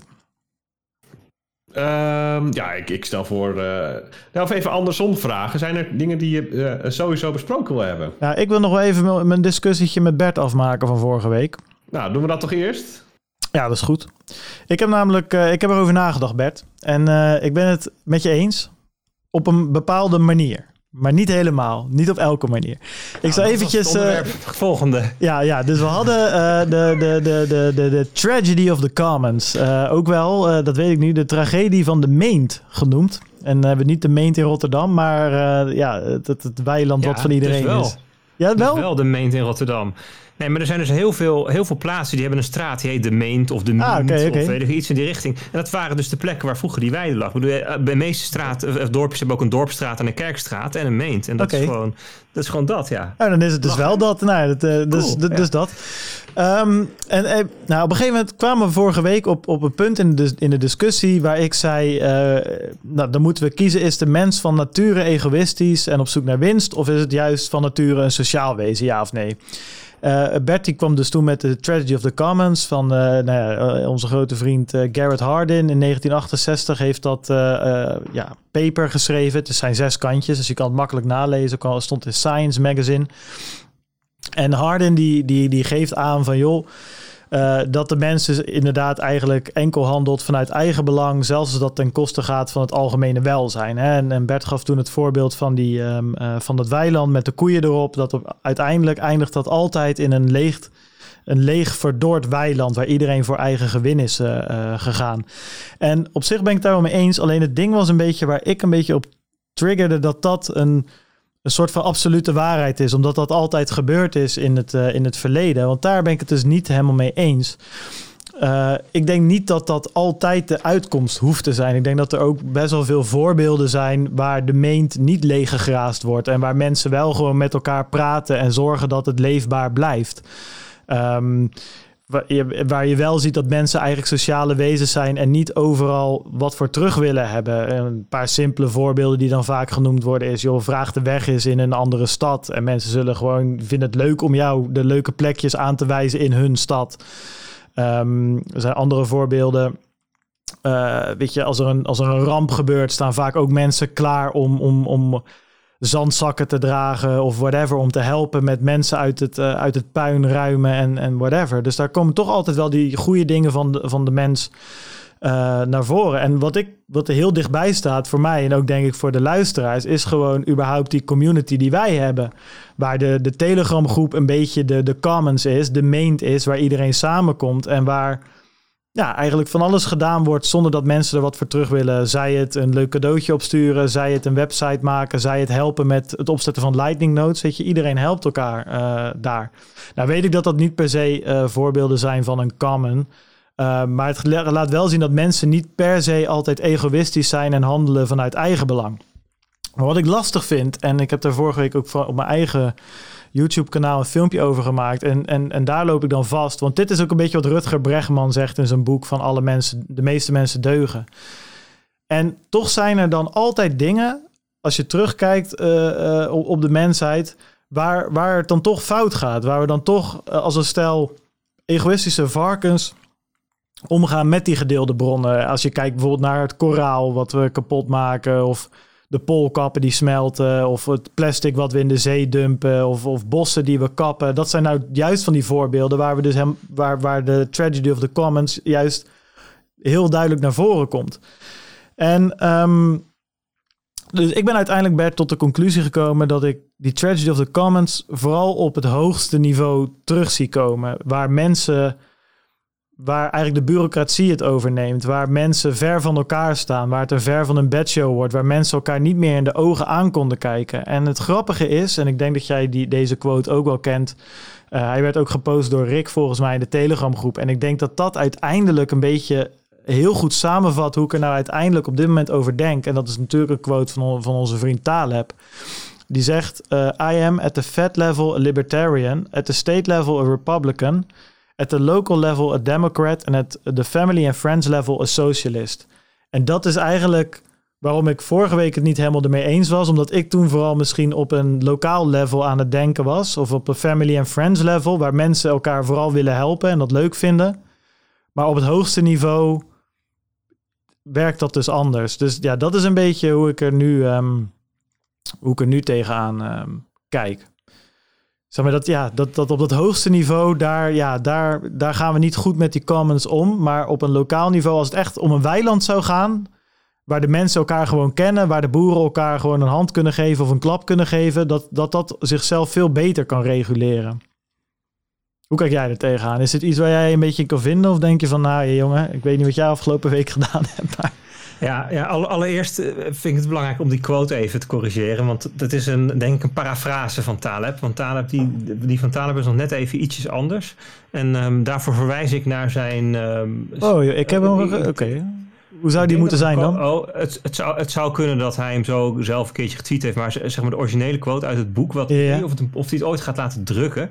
Of dat ook of het ooit afkomt. Ja, maar Dat, elk jaar wordt hij een beetje beter. Dat is, heet uh, pol Principia Politica. Ja. En dat is, um, dat is, ja, ik denk dat het nu een pagina of 70, 80 heeft. En daar, um, uh, daar gaat het ook hier over. En hij zegt uh, even libertarisch op federal level en communistisch op, op, op family and tribe level. Ja, precies. en, en vooral dat, dat zeg maar, libertarisch, dat wordt gezien als, als toch wel ex, extreem vrij. Hè? Dus dat je eigenlijk zegt um, een, een, een, zo minimaal mogelijke of afwezige overheid. Hè? En, en communistisch, dat is natuurlijk ook extreem. Je zegt van wij, je hebt, je hebt geen eigen bezittingen. Je hebt alleen maar gezamenlijke bezittingen. En, en, en die worden eigenlijk um, vaak weggezegd als, te extreem. Maar zeg ja, ze, ze passen in een uh, rijtje. En wat is, de, wat, wat is nou de essentie van het rijtje? Dat, wat zit er nou, wat, uh, wat is nou het verschil tussen um, family en um, de, de buurt en um, de, de, de, de county noemt hij het dan, de gemeente en de staat en, en, en, en het land, weet je Wat is daar het verschil tussen? Het verschil is, is scale of schaal. En um, nou, dat, dat tweet ik jou van de week ook, uh, Bart. Ik denk dat de, de oplossing tussen Tragedy of, of the Commons en um, de meeste mensen deugen, dat dat uh, schaal is, scale. Um, de, de, de, de meeste dingen zijn namelijk niet vrij van schaal, zijn niet scale-free die, um, die veranderen als je de schaal verandert. Hè? Een, um, een, een buurt is niet een groot gezin. Hè. De, de, dynamiek in een groep van 100 mensen is anders dan in een groep van vier mensen. En een, een, een land is niet een hele grote stad. En een, een, stad is niet een hele grote buurt. Dat zijn verschillende schalen met verschillende dynamieken. Um, in de politiek is dat ook zo, dat, dat, dat de, de, de dynamiek van politiek ver, verandert als je de schaal gaat veranderen. Betrokkenheid is ook niet vrij van schaal. Hè. Beslissen over je eigen moeder of over je overbuurman of over je, de directeur van de basisschool waar je kinderen zitten. Daarover beslissen is anders dan beslissen over alle moeders of over alle overbuurmannen of over alle basisschooldirecteuren. Dat laatste, dat zijn namelijk getallen in een Excel-sheet. En dat eerste, dat is een mens waarvan je het leven kent. Het komt, die komt in de buurt van skin in the game. Ja. He, dat je, dat, dat, dat je um, als je zelf um, de nadelen ondervindt van, of de, of de, voordelen, maar in ieder geval de gevolgen, te, als de gevolgen van je beslissing of je mening jou treffen, dan neig je andere beslissingen te nemen dan als het je niets doet. dus de piloot die is zich ervan bewust dat als hij denkt, nou deze, ik vertrouw dit vliegtuig niet, dan gaat hij er niet mee de lucht in. Want het is ook zijn leven die mee neerstort als het niet deugt. Een arts, daar is een, echt een eet voor nodig. Ten eerste doe geen kwaad. Hè? Waarom is die nodig? Nou ja, die arts die snijdt in het lijf van een ander. Ja, oh, patiënt is overleden. Nou, jammer. Ik was mijn handen gaan naar huis gaan bier drinken. Dat is natuurlijk een andere mate van, uh, van um, um, uh, of je nadeel ondervindt van. Nou, dus dat is dus schaal. En de vraag van. He, want vaak wordt er gezegd, ja, mensen zijn rationele actoren. Hè? Dus ze, ze, ze, ze denken na over wat is het beste voor mij. Um, eigen belang is er natuurlijk ook zo eentje van wat is het beste voor mijn eigen belang. Um, uh, veel koeien op dat weiland, dan geven mijn koeien veel melk. Maar als de buurman dat ook doet en de andere buurman ook, dan hebben we alle drie geen, geen, geen melk. Dus het is interessant. Van wat, wat, nou, en wat, wat Taleb nou zegt is. Um, en want schalen, eh, als je, als je van schaal gaat veranderen, dan, dan treden er veranderingen op. En die, um, dat, dat heet in de complexiteit een schaal, skill transition. Um, um, en die skill transi transitions, daarin veranderen er dingen. en hij zegt van, als je nou gaat opschalen, wat er dan gebeurt met die rationaliteit van die mensen, of dat transformeert naar ieder voor zich, of naar grootschalige samenwerking, dat hangt eigenlijk af van de structuur van de maatschappij. Dus um, het kan zijn dat in een bepaalde situatie je verwacht, nou weet je, als die mensen allemaal een klein beetje nadenken, dan zorgen ze ervoor dat ze met elkaar samenwerken. Dat is voor iedereen beter. En toch ontstaat daar een ieder voor zich ding dat je denkt, waarom? Waarom is, denk nou even na. En, dat, en in een andere situatie kan het wel gewoon uh, goed gaan. En het ene land of het andere land. De ene ja. tijd of de andere tijd. En dat, dat, dat heeft dus te maken, zegt hij, met de, de, de, de schaal of de, de structuur van de maatschappij.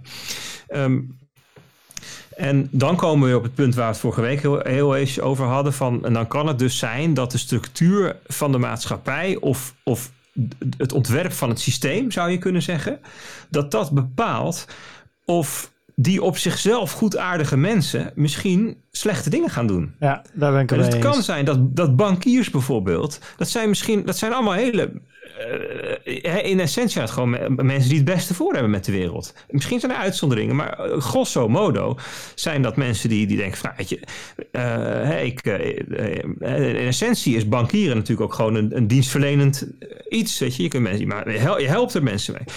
Maar de structuur van het systeem of de, het ontwerp van het systeem is zodanig dat er allerlei, dus de, de, perverse prikkels noem je dan, weet je wel, en dat, dat, dat het uiteindelijk uitmondt in iets wat, wat netto slecht is.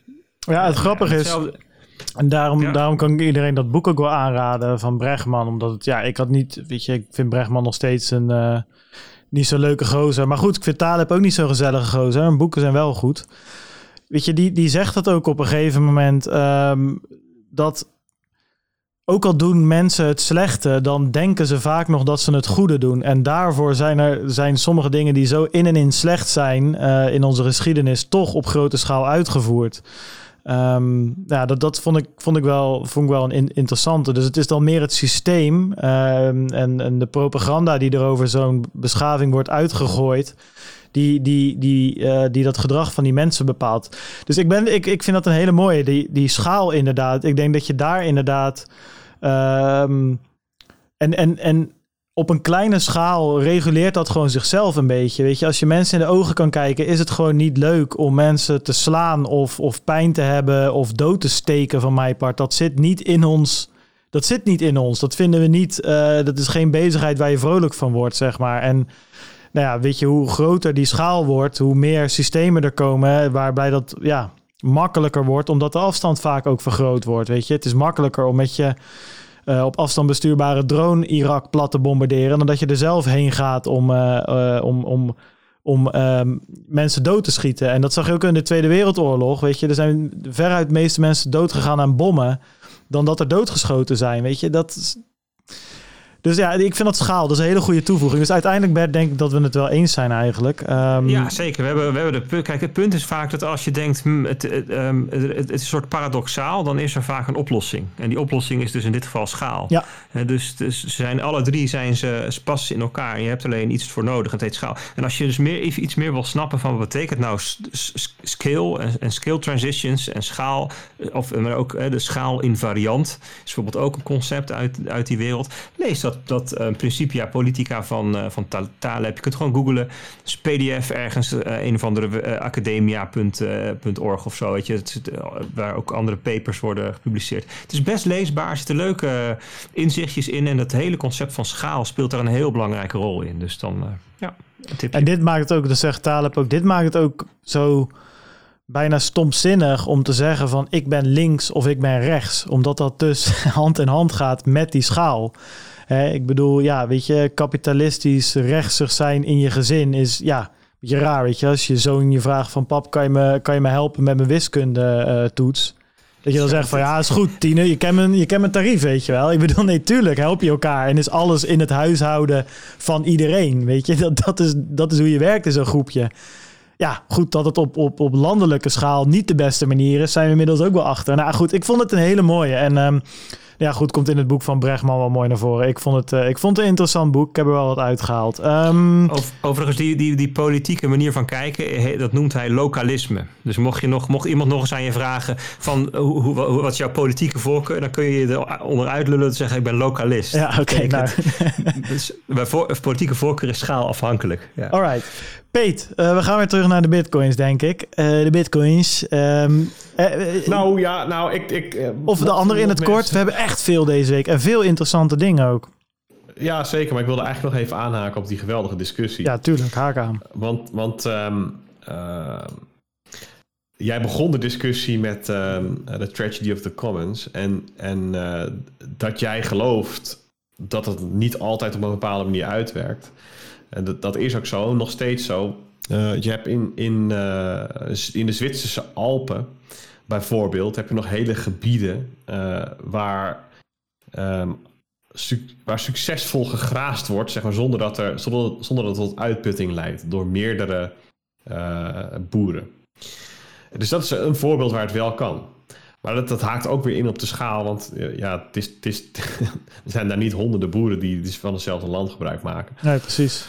Ehm, en ik wilde ook nog even een leestip geven. Dat is dan The Tragedy of the Tragedy, tragedy of the Commons. dat is een, een eh, ja, best wel een opinierend stuk over ehm, eh, ja, Hardin, die, die dus de bedenker is van The Tragedy of the Commons. Dat is heel veel geciteerd in allerlei literatuur. Meer dan 40.000 keer, geloof ik. Um, en dit is iemand die, uh, die ervan overtuigd is dat, het, dat, dat die gedachtenlijn uh, die geïntroduceerd is ook fouten bevat. Um, en die zegt ook iets over degene, over uh, Garrett Hardin. Uh, over dat hij racist is, uh, naïef was, islamofoob. En geeft een beetje. Geeft hier een heel andere kijk op de, op de dingen. Dus dat is dan wel interessant. Dat was even mijn aanvulling. Ja. Uh, en, en daar zit ook een haakje in naar Lifeboat Ethics, bijvoorbeeld, waar die Hardin voorstander van was. Ja, ik had sowieso. Ja. Dat, dat artikel is denk ik, denk ik goed. Um, vond ik wel dat ze hem daar redelijk hard op de man speelde. Ik vond dat, dat vond ik wel goed aan, aan, aan Bregman. Dat. Um, dat artikel staat ook online, waar hij in principe hetzelfde doet, maar hij speelt het, hij heeft het voor de rest eigenlijk niet echt over Hardin, maar meer gewoon over die theorie van hem. En um, ja, goed, ga verder. Maar dat, uh, ja. Nee, maar, maar al, al dit soort denkkaders eh, daarvan vind ik het wel interessant om te weten vanuit welke uh, hoek komt het. Ja. Wat is daar de achtergrond van? Wat voor denkkaders houdt zo iemand nog meer op na? Zonder ze bij voorbaat dan dus weg te zetten als minderwaardig of op een bepaalde manier. Maar ja, alles heeft weer een, een, eigen context. En dat bepaalt ook weer hoe je denkt. Ja. En en hoe, je, hoe je het kunt opvatten. Dus dat wil ik nog even meegeven. Nou, en dan kunnen we terug. Uh, ja, je, we hebben echt inderdaad heel veel. Ja, want ik, ik, ik zag iets staan van Bert, die zei een analogie voor waarom 21 miljoen bitcoins onveranderlijk is. Nou, dat greep mij aan als ik dacht, Bert. The floor is yours, once again. Ja. Ik moet het even bijpakken, want um, uh, dit was een tweet, een draadje van, uh, van uh, Arie Paul. Paul zijn achternaam. Um, P-A-U-L, geen neefje van Raoul dus. Um, en hij, hij, hij is ook al veel langer bitcoiner. Hij zegt van de, een van de meest, of, nou hij zegt letterlijk de meest veelgevraagde vraag die ik krijg door nieuwe investeerders is waarom zouden we er, er, er, erop kunnen vertrouwen dat die 21 miljoen bitcoins er ook echt als dat er echt een hard maximum is. En wa waarom zouden mensen dat niet veranderen?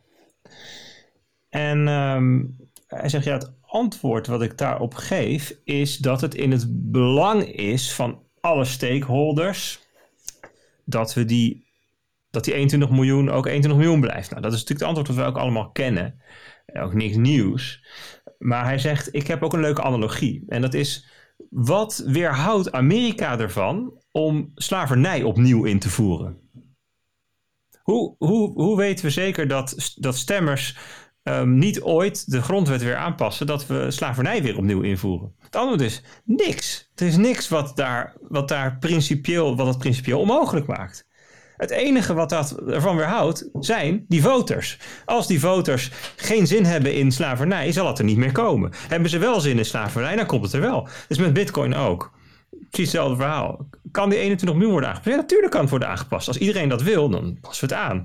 Maar Net zoals het heel onwaarschijnlijk is dat er ooit weer een me meerderheid komt in Amerika die zegt: laten we slavernij introduceren. Leuk idee. Zo is de kans ook heel klein dat, dat bij Bitcoin een meerderheid zegt: laten we die 21 miljoen aanpassen. Wat, dat belang, dat, dat, hebben dat belang ja. niet. Dat vond ik wel leuk. Dus, nou, ja, precies. Er zijn eigenlijk maar twee manieren waarop dat kan gebeuren. Dat is of als er een hele gewiekste aanval plaatsvindt. En dat is, ik zie, ik zie het niet hoe dat kan, dus dat noemen we maar even tegen het uh, onmogelijke aan. Zeer onwaarschijnlijk. Of als alle incentives aligned zijn om dat te doen. En dan is blijkbaar zo'n aanpassing ook oké. Okay. Ja, en hij zegt erbij van um, het, het, het punt hiervan is, van deze analogie, is dat alles wat wij in de wereld vertrouwen, behalve de natuurkunde, uit, is uiteindelijk rust dat op sociale consensus en op incentives. Ja. Uh, dus, en, en al het andere is alleen maar window dressing. Uh, dus, en dus eigenlijk alles wat, wat wij in de wereld uh, zien als iets fundamenteels, los van de zwaartekracht en zo, is um, ja, uiteindelijk toch gewoon een gezamenlijke keuze die we met elkaar maken. Ja, hele goede. Ik, uh, zag, ik, ik, zag nog een andere grappige. Die, die, ja, we hebben nu bij in het kort en we komen na een uur en een kwartier komen erbij. Dat laat maar zien hoe, hoe, hoe vol die uitzending zit deze keer. Um, Rolf Hamers, wie kent hem nog? Wie kent hem niet? Uh, dat is de oud-CEO van de ING natuurlijk. Uh, bekend en berucht uh, van on, onder andere de, de, de schikking die ING in 2018 um, heeft gedaan. Um, toen hebben ze wat 775 miljoen moeten betalen, iets in die richting. Hè, omdat ze ja, niet goed de KYC-deurtjes op slot hadden. Dus ja, uh, witwassen mogelijk hadden gemaakt. Hè. Ze hadden daar meer moeten doen. Nou ja, ze hadden toen geschikt voor 775 miljoen. Onder de voorwaarde dat dat gewoon ING NV uh, uh, was de schuldige. Of nou, voor zover je schuldig kan zijn bij een schikking. Maar de bestuurders gingen vrij. Um, nou hebben wij in Nederland... Um, ja, jezus, je kan het het beste bijna een beetje vergelijken... Uh, je had toch op een gegeven moment na de Tweede Wereldoorlog van, van men, uh, ja, Joden eigenlijk die naar Argentinië gingen om achter mensen aan te gaan die, die, die ja, Europa ontvlucht waren. Bijvoorbeeld nazi's of whatever, die het niet goed hadden gedaan in de oorlog. Nou ja, wij hebben in Nederland een soort van Pieter Lakenman. Nou wil ik niet uh, de vergelijking trekken dat uh, dat, dat een nazi-jager is en dat uh, Ralf, Ralfie een nazi is.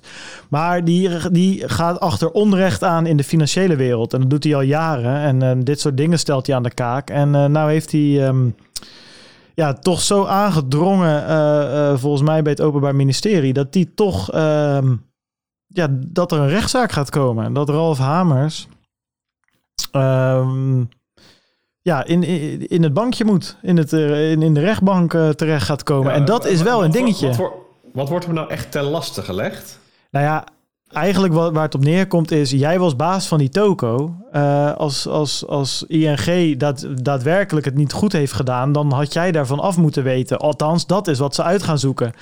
Wist jij hiervan af en had je wat moeten doen? Uh, wat natuurlijk als bestuurder geen niet per se heel gek is. Ik bedoel, als bestuurder kan je niet alles zien. Zeker niet in zo'n grote uh, token als ING. Maar ze zeggen nu bij zo'n grote zaak, uh, waar zoveel geld in, in, in is wit gewassen. Ja, had jij daar niet, uh, heb jij dat niet langs zien komen? En had jij daar niet wat aan moeten doen?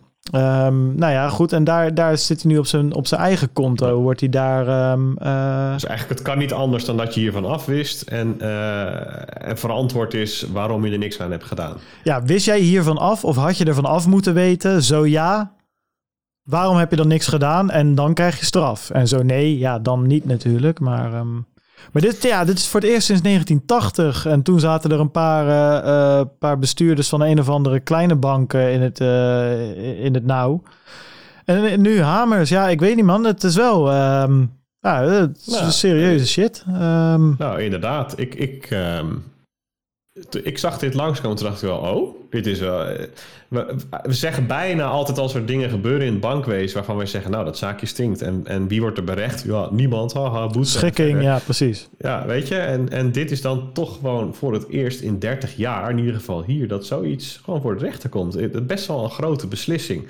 En, en dan ben ik dus ook benieuwd hoe het nou kan Um, dat het OM in 2018 of 19, ik weet niet precies wanneer het was, zei van ja, we gaan niet vervolgen, want er is onvoldoende aanleiding of wat, whatever de, de reden ook was. Hoe kan het nou dat, dat, dat iemand zich zo vast heeft gebeten, komt nu bij de rechter, dat er dan toch wel een haakje Nou ja, kijk, omdat je het, het OM had dus gezegd, we gaan schikken en niet vervolgen. Dus nou oké, okay, uh, zaak afgedaan. En uh, die Lakenman, die is gewoon naar de rechtbank gegaan. Die heeft gezegd, nou ben ik het niet mee eens. Kijk jullie, kijken jullie er nog eens naar? En die rechtbank heeft toen nee, gezegd, dat die, is fout. Die schikking, die schikking is toch niet teniet gedaan? Nee, nee, nee. Er is nog... Hè, dus, dus welk belang vertegenwoordigt het Openbaar Ministerie dan? Maar waarom wordt er nu wel vervolgd en is er toen besloten om niet te vervolgen? Wat, wat, hè, uh, goed, ik, ik begrijp dat nog niet precies. Ik heb maar dat is wel een vraag. Ja, het, uh, kijk, het OM die zegt dus, uh, hier zeggen ze dus tijdens het strafonderzoek naar ING bleek het onmogelijk om individuele ING-bankiers te vinden die eindverantwoordelijk waren voor de aangetroffen misstanden, meldde het OM destijds. Nou, bla bla bla bla bla bla. En, toen, en nu zegt het gerechtshof Den Haag gaat er niet in mee. Volgens de woensdag gepubliceerde uitspraak wist de ING-topman of top wel degelijk van de tekortkoming in het compliance-beleid. Dus de, de, die, ja, maar dan, dan denk ik van, dan was het toch gewoon, uh, gewoon voor de buren geplaatst van het Openbaar Ministerie. Nou ja, dat is dus wel heel interessant inderdaad. Wat is, ja. waarom, waarom heeft het OM ge, geschikt in deze zaak? En wat ook interessant is, is dat nu is het, uh, is het nou, wordt zo'n Hamers, uh, zo'n zo bankdirecteur, voor het gerecht getrokken ja, weet je, uh, in hoeverre. Ik, ik vind dat de overheid het ook en de ministeries het ook wel redelijk makkelijk afschuiven op die poortwachters. Dat zie je in die crypto-wereld, waar, waar alle uh, regeltjes druk en, en alle bewijslast wordt naar die crypto-brokers uh, geduwd. En als jullie geen goede poortwachter zijn, nou, sluit je je deuren maar. En bij die banken zie je dat ook wel. Die moeten hele KYC-afdelingen optuigen voor, van 6000 man om maar te kunnen voldoen aan de regels van de overheid. Terwijl ik ook zoiets heb van ja, uh, in hoeverre duwen jullie je eigen incompetentie niet af op die sector? Hè, ja. Ik bedoel, dat zie je ook bij de Belastingdienst. Uh, weet je, dat, dat gaat natuurlijk ook voor geen meter met die, uh, met, met die toeslagenaffaire. Ja, um, Precies, in, in, in, hoeverre is zo'n bank verantwoordelijk voor het witwassen, zeg maar? Hadden jullie daar, eh, kan de AIVD daar niet meer mee doen of whatever? Dat is ook een beetje, ik vind dat een lastige. Ja, ik, ik vind de rol van het OM ook een, uh, een drol. en en uh, dan heb je nog de vraag, of een vraag, weet je, dus nu, nu uh, wordt er onderzoek gedaan naar een casus waarbij ING kennelijk onvoldoende klantkritisch is geweest. Ik zou toch liever bankdirecteuren voor de rechter zien staan vanwege het belazeren van klanten.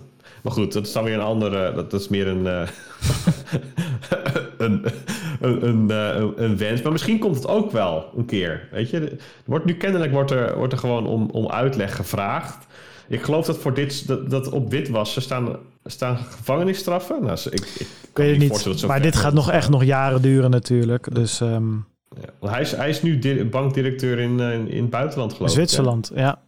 Ja. ja, dat zeggen ze altijd, die bankiers. Als je je niet goed betaalt, dan stroomt het talent weg. Dus, uh, ik ben benieuwd wat daar dan mee gaat gebeuren. Want volgens mij kan je in uh, Nederland niet zo'n aanstelling krijgen als je, onder, als je onderzocht wordt. Als je voor de rechter moet komen, komen verantwoorden. Nee, dat Misschien klopt. dat het nog wel een staartje krijgt. Van, maar goed, oké. Okay. Um, ja, net, net vers van de pers. Uh, iets over um, ECB-rentes ja. en zo, hè? Nou, niet alleen de rentes. Kun jij daar wat over zeggen? alleen niet de rentes. Toch? nou ja, kijk, ze houden de rente gelijk, maar uh, er komt weer uh, de, de, de printer. Uh, er zit weer een nieuwe toner in, nieuwe ink cartridges. En die staat weer rustig te pruttelen daar bij Lagarde in het hoekje van het kantoor.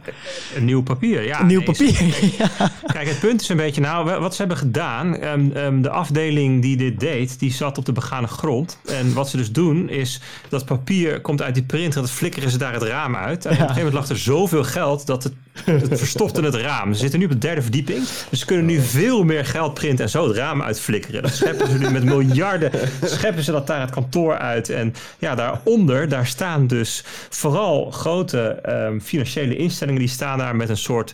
Nou ja, ze stonden er eigenlijk met een soort plastic zakje klaar. Michael Saylor stond er ook bijvoorbeeld een plastic zakje. En dat is nu natuurlijk lastig, omdat van grotere hoogte valt, hebben ze nu een soort van ja, een soort omgekeerde parasollen. En daar staan ze dan mee te wachten om dat geld zo op te vangen. En dat, uh, nou ja, zo gaat dat. Dus uh, maar even alle, alle stokheid op een gekje. Het, het, het PEP, dat, uh, het, het pandemische opkoopprogramma. PEPP, um, daar, uh, dat had al een plafond van 1350 miljard um, euro. En daar is nu 500 miljard bijgekomen. Um, en het loopt nu tot minimaal maart 2022. En dat is een um, programma waarbij de Europese Centrale Bank, ik denk primair staatsobligaties opkoopt van um, uh, Europese landen. Die Um, dus staatsobligaties uitgeven. Waarom doen ze dat? Om dat ze uh, hun staatsschuld willen vergroten, omdat ze een begrotingstekort hebben. Dus dat is het rijtje. Dus als land heb je geld nodig. Um, omdat je uh, te weinig geld binnenkrijgt of meer geld wil uitgeven, bijvoorbeeld voor steunpakketten. Um, en uh, daarvoor moet je staats uh, moet je lenen. En dat, dat doe je door staatsobligaties uit te geven. En dan iemand moet dat kopen. Ik weet best aardig hoe het in Amerika werkt. Grappig genoeg weet ik veel minder goed hoe dat, hoe dat mechanisme in Europa werkt. In Amerika worden die staatsobligaties door de Fed, de Federal Reserve, uitgegeven. En die worden verkocht aan primary dealers. Er zijn bepaalde banken die um, specifiek die rol hebben om uh, in grote bulken die staatsobligaties op te kopen. En dat vervolgens dan weer te verkopen aan allerlei andere financiële instellingen in de loop der tijd, zodat, zodat de Fed gewoon in één keer, bam, zoveel miljard kan printen. Of kan, kan uh, um, uh, dus de, eigenlijk de, de, de, ja goed, de, hoe het, in, hoe het in, in Europa werkt, weet ik niet precies.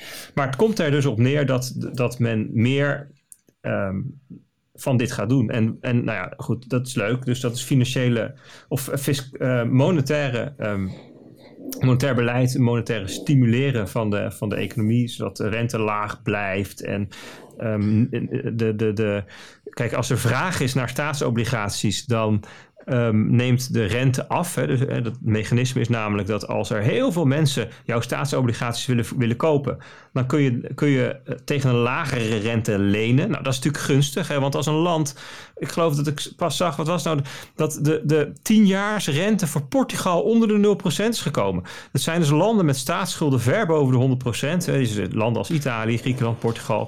Dat zijn landen, Spanje ook, die, die hebben forse staatsschuld. Um, ja, die kunnen toch nog steeds bijna gratis lenen. Het hele lage rente, of misschien zelfs 0%. En zeker als het korter lopend is. En ja, dat is natuurlijk heel erg belangrijk voor die landen die natuurlijk wel uh, in de penarie zitten vanwege de coronacrisis. Um, en op zichzelf, zonder dit soort ehm, eh, acties, nooit zo goedkoop zouden kunnen lenen. Dan kunnen dat nu wel. Nou, dus dat is een verlengd. En het is, maar ik, ik begrijp een beetje uit de reacties van de mensen die dit allemaal volgen en hier uh, hun, hun werk slash hobby van gemaakt hebben, dat het allemaal een beetje tegenvalt. Dat mensen niet erg onder de indruk zijn van de ECB en van Christine Lagarde. Ja, weet, je wat, weet je wat is, Bert? Ik had een tijdje terug, toen, uh, ik, wil, ik weet niet meer waarom, maar ik ben toen op de ECB-website op gaan zoeken. En die hebben een hele mooie infographic gemaakt van hoe werkt uh, monetaire verruiming, hè? QE, quantitative easing. En dat, dat klopt allemaal wel, die stappen. Alleen de stap van de geldprinter, die, die miste ik. Ik kan dus nergens... En ik snap het, geldprinter, goes is een beetje... Is, een meme, niet een beetje, is een meme. Maar uh, kwantitatieve verruiming, uh, uh, monetaire verruiming... betekent wel dat er geld bijkomt, bijgemaakt wordt... waarmee dingen opgekocht worden. En dat geld maken stond niet echt in de infographic. Dat was meer van... bij de ECB op kantoor hebben wij geld. En daar gaan we dingen van opkopen of zo. Het was niet... Die verruiming, die, die zag ik niet echt terugkomen. Nee, maar het, het, punt is dat het ook... Het is ook subtieler dan de meeste mensen denken. Want even, als je even als perspectief, vanuit het perspectief van iemand die staatsobligaties heeft... zou, zou kijken, die heeft staatsobligaties... die verkoopt hij aan de ECB en die krijgt er cash voor terug... Dat is, dat is wat er gebeurt. Dus vanuit het perspectief van een instituut die staatsobligaties heeft als bezitting, die wordt er niet rijker of armer van. Die, het, het, de vorm waarin het geld op zijn balans staat, dat was eerst een lening, dus een, een, een bond, en dat is nu cash. Ik bedoel, voor de rest is er niks veranderd. dus het is ook niet zo dat er, dat bedoel, het, het, het beeld van de money printer is ook in die zin um, fout, want we zien ook niet dat het tot prijsinflatie voor de consumenten leidt. Nee, dat is waar, maar het is wel geldschepping. Weet je, er wordt wel geld gecreëerd met als doel uh, bijvoorbeeld staatsobligaties op te kopen. En als de ECB dan, als ik dan naar die website ga en zeg: Oké, we gaan het hier uitleggen hoe het werkt. En letterlijk het eerste wat er in die. Uh, dat is wel grappig als je, daar, als je op zoekt. Uh, het is trouwens niet ja, je kwantitatieve versoepeling, kwantitatieve verruiming, ECB. Dan krijg ik stap 1. De Europese Centrale Bank koopt obligaties van banken. denk ik, ja, dat, dat is eigenlijk stap 2. Dat vind ik niet, hè. ik bedoel, waar komt dat geld vandaan? En dat kon ik heel moeilijk terugvinden. Dat was meer het punt waar ik een beetje op inhaakte. Wat jij ook zei, ik weet eigenlijk niet precies hoe het hier werkt. Ja, ik heb echt mijn best gedaan om het te vinden en ik kon het niet echt terugvinden. En wat ik helemaal geschift vind, is dus ik op het FD te lezen. En er eindigt zo'n artikel eindigt ermee met analisten verwachten daarom ook dat de ECB nog heel lang blijft stimuleren. Alsof het een sprookje is letterlijk. Waar echt nog geëindigd wordt met... En we leefden nog lang en gelukkig, want... want ik denk echt van, je, je zou maar analist zijn. Je zou je werk hier maar van gemaakt hebben. Waar, waar slaat dit nog op inmiddels, jongens? Dit is toch... Ja, ik weet het niet, joh. Ik, ik heb er mijn werk duidelijk niet van gemaakt, maar um, ja. Kijk, het probleem van schulden is dat, dat er zijn maar er is maar een heel beperkt aantal manieren waarop je weer van een schuld af kunt komen. En dus je kunt hem een, een schuld kun je aflossen. En dus neem even, neem even uh, een land als, ik geloof dat Italië intussen op 150, 160 procent staatsschuld zit na de coronacrisis. Dat kunnen we opzoeken, maar in ieder geval is in die orde groot. Dus van het BBP, dus van het, van het bruto binnenlands product. Dus dat betekent um, uh, ten opzichte van de omvang van de economie. Dus het is meer dan één jaar aan economische uh, activiteit. Wat het tegenwoordig. Dat kun je, kunt op drie manieren oplossen. Je kunt het aflossen. Betaal je terug. Um, dat betekent dus dat je het geld eerst moet verdienen. Dat is het idee. Of je kunt, het, um, je kunt failliet gaan. Dat kan natuurlijk ook. Gewoon zeggen, joh, ik ga het ooit meer aflossen. Jammer, ik ga dus ook de rente niet betalen. Dus je default op je schuld. Dat is voor de meeste landen ook geen optie. Uh, voor sommige landen wel. Voor sommige landen is het wel een optie. Er zijn natuurlijk door de geschiedenis heen um, heel veel voorbeelden van landen die gewoon failliet gingen op hun, op hun schuldpapier. Uh, maar voor landen in Europa en voor Amerika is dat niet zo'n logische optie. En dan is de derde optie dat je met inflatie ervoor gaat zorgen dat, het, dat de schuld relatief minder veel waard wordt. Dus ten opzichte van um, uh, uh, huizen en land en je productiecapaciteit en, en biertjes en dat soort dingen. Dus reële dingen. Inflatie. Maar die inflatie, dat is er maar niet. dat is ook het punt. Uh, en, uh, dus de inflatie, die, die staat ook, de inflatieverwachtingen zijn blijven hardnekkig laag. Ik lees even het artikeltje van uh, FD over de ECB dingetjes. De geldontwaarding zal dit jaar iets lager uitkomen op 0,2%. Volgend jaar zal de inflatie 1,0% bedragen. Um, om pas in 2023 uit te komen op 1,4. Nou, de staat zal bedragen. Dat is natuurlijk ietsjes te enthousiast, want niemand heeft enig idee waar die inflatie precies op uit gaat komen. Maar dat is dan in ieder geval de verwachting. En ze willen dan boven de 2, of op de 2% En ze vinden het ook niet erg. En dat heeft de Fed gezegd. We willen ook graag de gemiste inflatie gaan compenseren. Dus het mag ook wel een tijdje boven de 2% zitten. Ja, maar met 2% duurde nog erg lang voordat je de huidige staatsschuld of de huidige schuldenpositie weg uh, infleert, zeg maar. Dus door middel van inflatie weg laat smelten. Dus ja, ze zullen echt nog wel veel hogere inflatie nodig hebben om dat um, uh, te doen. Zeker als je, als je elk jaar die schulden maar hoger laat worden. Dus dit is natuurlijk wel een soort van, van eindig verhaal op deze manier.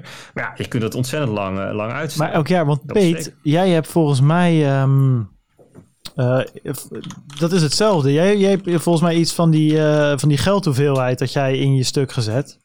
Ja, klopt. Ik, en dat ik is niet. op inhaken ja. via een, een, uitspraakje van uh, Nigel Farage. die noemde Bitcoin die ultimate anti-lockdown investment. Was Nigel Farage was toch die gozer die de, de hele Brexit-trein afgetrapt ja. heeft toen de tijd? Ja. ja. Die heeft heel trots staan zwaaien in het Europees Parlement vergadergebouw. Uh, en die heeft zijn eigen nieuwsbrief en daarin schreef hij dat. En, en hij is ook uitgenodigd bij Sam Volkering, die is van Southbank Investment Research. En, en daar sprak hij over uh, cryptovaluta ook. Het onderwerp waar iedereen het over heeft, zei hij. De reden is duidelijk omdat overheden wereldwijd vanwege de pandemie enorme hoeveelheden funny money, je, kan hem het horen zeggen met zijn Brits accent, uh, maken. De waarde van valuta dus verlagen. En mensen zijn bang wat dat voor hen betekent en voor hun geld of voor hun bezittingen. Nou, ik, ik zag uh, nou, het is natuurlijk grappig dat uh, Nigel Farage wat zegt over Bitcoin. Ik zag Sven Henrich. Um, volgens mij is dat een hedge fund manager of een analist. Nou, maakt niet zoveel uit. Um, die zei wat over de uh, maandelijkse stijging van de M1 money supply. Dus dat gaat over de contanten in omloop. Ah, ook niet eens meer contanten. Uh, ik denk dat dat eigenlijk de balans van de, van de centrale bank betreft. Klopt dat, Bert? Even de fact-check inschakelen. Um, ja, de, de, geld, nee, de geldhoeveelheid M1. Uh, M, M0 is basisgeld. M1 is. Um, uh, is basisgeld plus cash, toch? Ja, dacht ik. Nee, nee, we zoeken het heel even op wat het precies is. Want het okay. verschilt namelijk per land wat de betekenis is van M0, M1 en La, 2. Laten we hem hierop houden. Dit staat op de, op de site, uh, of ik zie dit hier. M1 includes funds that are readily accessible for spending. Dus goed. Ja, dus ook, ook banktegoeden, hè? Ja, ja. Dus, inclusief banktegoeden. Dus daar houden we M0 is, uh, M0 is basisgeld, dus dat is cash plus de uh, tegoeden bij de centrale bank. En M1 is dan inclusief de direct opeisbare spaartegoeden. Dus dat zijn dat is je bankrekening en eventueel spaarrekeningen die niet aan een vaste looptijd vastzitten. Nou, dat, dat klinkt voor de purpose of deze uitzending helemaal prima, denk ik. ik ja, ken precies. nog wel een, een, podcastje die daar eens een keer stuk opgelopen is op deze discussie. Dus die ontwijken we netjes zo en we gaan door. Laten we het gewoon even het geldaanbod noemen. Laten we het gewoon money, uh, money noemen. Precies, money noemen. Sven die heeft het over money en die zegt... sinds februari dit jaar is dat met 55% gestegen. Maar liefst 35% van alle dollars in circulatie... zijn in de afgelopen 10 maanden geprint. Ja, dat is nogal wat. Het, voor de beeldvorming is dat wel lekker. Hè? Dat je even weet van hoe ongelooflijk veel dollars er gecreëerd zijn afgelopen maanden. Een Neminator, geen idee wie dat is, maar dat, is, dat vond ik op Twitter, had een overzicht gemaakt met hoe snel dat nou aan het accelereren is. Het eerste biljoen du uh, printen duurde 80 jaar, van 1913 tot 1993. Het tweede biljoen 18 jaar, 1994 tot 2011. Het derde biljoen 5 jaar. Het vierde biljoen 4 jaar. Het vijfde biljoen 6 maanden. Het zesde biljoen, dus we hebben het over 1000 miljard, hè, 4 maanden. Nou, dan is de vraag, dat was, dat was augustus tot november 2020. Dat is natuurlijk de vraag, hoe, hoe lang gaat het zevende biljoen duren? Hij zegt zelf twee maanden. Maar het is het tempo waarmee geld gecreëerd wordt is zo ongelooflijk toegenomen de afgelopen tijd. Nou, dat is wat Neminator uh, even uiteenzet. Um, Raoul Pell die haakt daar ook een beetje op in met een draadje die hij uh, uh, recent lanceerde, op Twitter gooide. Ehm, die zette Bitcoin als hedge tegen waardedaling van vermogen even in het zonnetje. Die, heeft, ja, eh, die, die komt dan met een hele lading grafieken. En hij zette de balance sheets van centrale banken van G4. De G4 centrale banken, dat zijn de Bank of England, de Fed, Bank of Japan en de ECB. Um, die zetten die af tegen de waarde van andere assets, zoals commodities, obligaties, goud, vastgoed en aandelen. En alleen die van vastgoed, dat was dan de Amerikaanse vastgoedmarkt, die bleef stabiel. De rest was gedaald. Dus eigenlijk een matige, slecht functionerende hedges.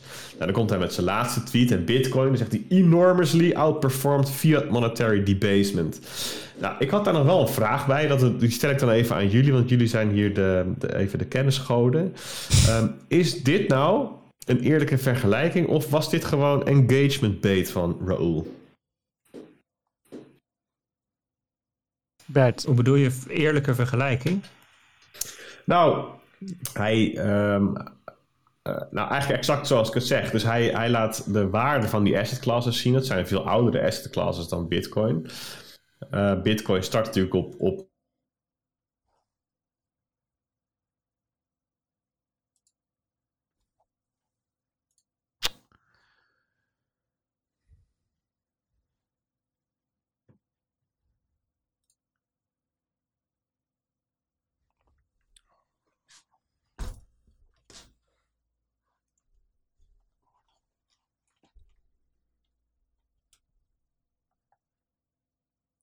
Ja, dat ging even weer fout.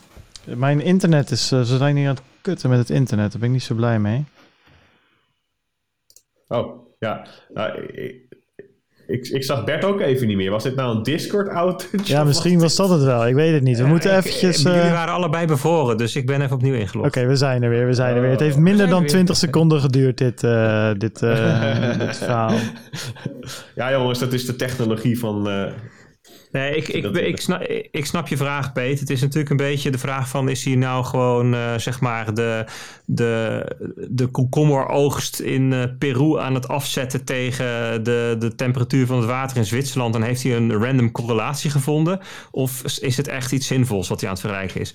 Ja, dat weet ik ook niet. Nee, dat is uh, out of my league. weet ik ja. hij zegt het is al wel... het zou, laat het maar een beetje in het midden. Want Raoul Pell die heeft ook wel een beetje de status van uh, mooie verhalen vertellen natuurlijk. Uh, hey, het, is, het is 6 voor 5 inmiddels, uh, beste luisteraars. Wordt die donker. Ik zie de kerstlichtjes branden. Wat gaan we doen, jongens? Ja, nee, wij kunnen er nog wat doorheen gooien. Kijk, Bert, moet er vandoor straks, volgens mij. Um, nou ja, dan weet je, de marktupdate, we hebben de 20k niet gehaald. We zitten nog steeds in een kanaal en die bodem die, uh, die wordt aangestampt. Ik denk dat we... Nou, we hadden daar nog wel interessante informatie geloof ik. Dus ik wil natuurlijk niet uh, dat Bert straks teleurgesteld is dat we dat niet Nou, misschien moeten we dat dan even doen. Ik, ik kan één heel kort dingetje hier meteen ook even bij hangen wat ik erg, erg geinig vond. Um, waar heb ik die link neergezet, jongens? Hier. Wanneer is een Satoshi een cent? Je kan dus naar www.sat uh, satcentparity.com gaan. En uh, ja, het enige wat die website laat zien is, uh, ja, is een sat een cent? Nou, not yet staat er nu bij. En um, één sat is nu 0,02 cent. Dus we hebben nog even te gaan. Nou, vond ik grappig. Ja, wel, um, wel, leuk in deze context is de discussie die van de week op crypto Twitter rondging over... moeten we misschien um, wat, meer voor, wat, wat, uh, ja, wat meer rugbaarheid geven aan de bit? Je hebt de bitcoin en je hebt uh, de sat, die kennen we allebei. 1 bitcoin is 100 miljoen sats. Maar je hebt ook de bit, dat is, 1, um, is 100 sats. Dat heeft blijkbaar um, Satoshi zelf al zo geïntroduceerd. Dat 1 bitcoin bestaat uit miljoen bits. En een bit bestaat uit 100 sats. En het idee zou dan zijn dat 1 bit um, vergelijkbaar is met een dollar. Als, als straks bitcoin een miljoen dollar is, dan is een bit 1 dollar. En is een, de SAT is eigenlijk een bitcent, zou je kunnen zeggen. Ja. En ik vond het wel een hele interessante vraag. Iemand zei, moeten we dit niet meer pushen? Want als we nu allemaal met z'n allen eigenlijk in bits gaan denken in plaats van in bitcoins... Um, dan um, krijg je iets minder het gezeur met ja, de bitcoin is te duur, dus ik koop wel bitcoin cash of, uh, of, een, of, of, of Ripple of zo. Dus uh, voor, de, zeg maar voor de, de, de positionering, voor de marketing van bitcoin. Nou ja, ik weet niet wat er uit, uit de discussie gekomen is. Ik geloof dat de helft er niet mee eens was en de helft wel of zo.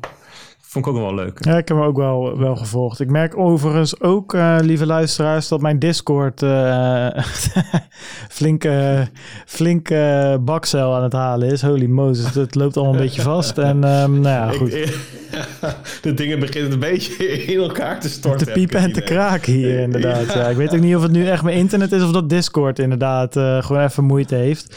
Dus ik denk, weet je wat wij gewoon gaan doen? Dat ik, laten we dat dingetje van Bert nog even doen en dan uh, schuiven we de rest wel weer of niet door. Ja, ik wil ook nog wat doorpeet, maar ik heb echt het idee dat, dat dit er straks uitklapt.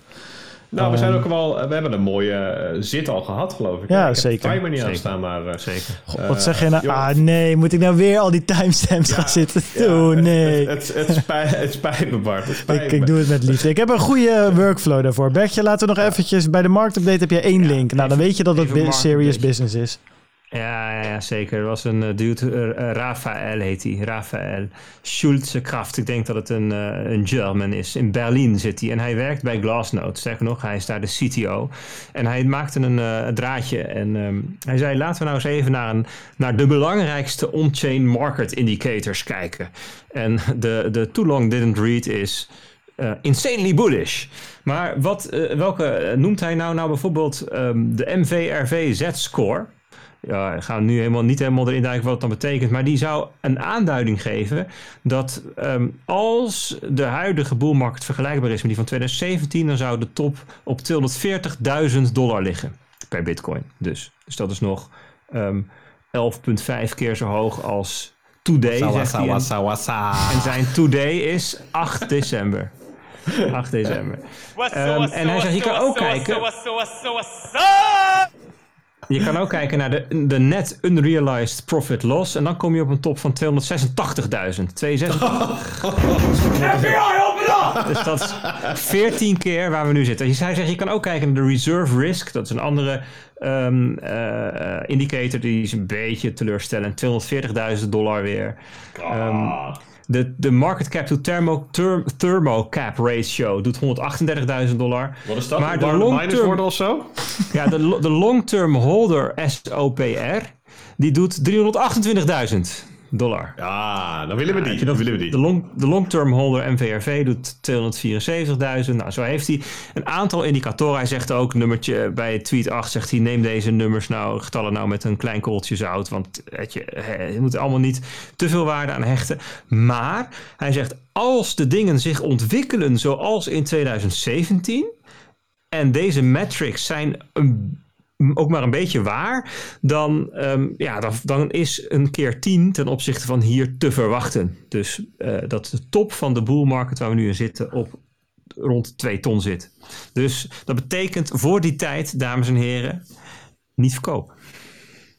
Ik vind dit heel mooi en dan, en dan zouden we de show kunnen afsluiten met een cringy tweet van Pierre Rochard. Heb je er weer een gevonden? Precies. Bitcoin jumped from impossible to inevitable. Juist, godverdomme. Zo is het, zo is het. Ik denk dat, ik, ik ben het helemaal met je eens, Peet. Ik bedoel, hier, uh, ja, je ziet het nog niet helemaal op de video, maar beginnen hier dingen te kraken, bliksemschichten, elektriciteit schiet in het rond, rokende servers. dus um, nee joh, het was weer goed. En dan, uh, Bertje, precies vijf uur. Jongens, bedankt. Ik vond het weer een, uh, een, een, nou ja, ja, we hebben weer bakken met dingen behandeld. Ik hoop dat het leuk was om weer naar te luisteren. Ik denk het wel, want ik vond het er hartstikke ik heb weer wat op, ik heb weer wat geleerd. Dus dan, ja, dat is vaak een goed. Dat is nou vaak goed, een goede graadmeter voor, uh, voor um, uh, of de luisteraars het ook wat vonden. Hey, joh, vond je het nou leuk? Join onze Telegram groep, volg ons op Twitter. Alle links staan op www.statieradio.nl. Check ook www.lekkercryptisch.nl, want zoals ik het elke week zeg, daar komen de laatste tijd steeds meer goede artikelen op. Maar je kan tegenwoordig ook gewoon het AD of het FD lezen, want daar staan onze grote vrienden ook gewoon wekelijks in hoor. God jongens, ik ben zo trots als ik die artikelen opensla en ik zie weer Bert of Peter weer eventjes uh, even vertellen hoe het zit. Ja, dat is toch... Um, we komen ergens, we komen ergens. Jongens, bedankt. En uh, jullie allemaal bedankt voor het luisteren. En graag tot volgende week. Adios, boys. Later. Thank you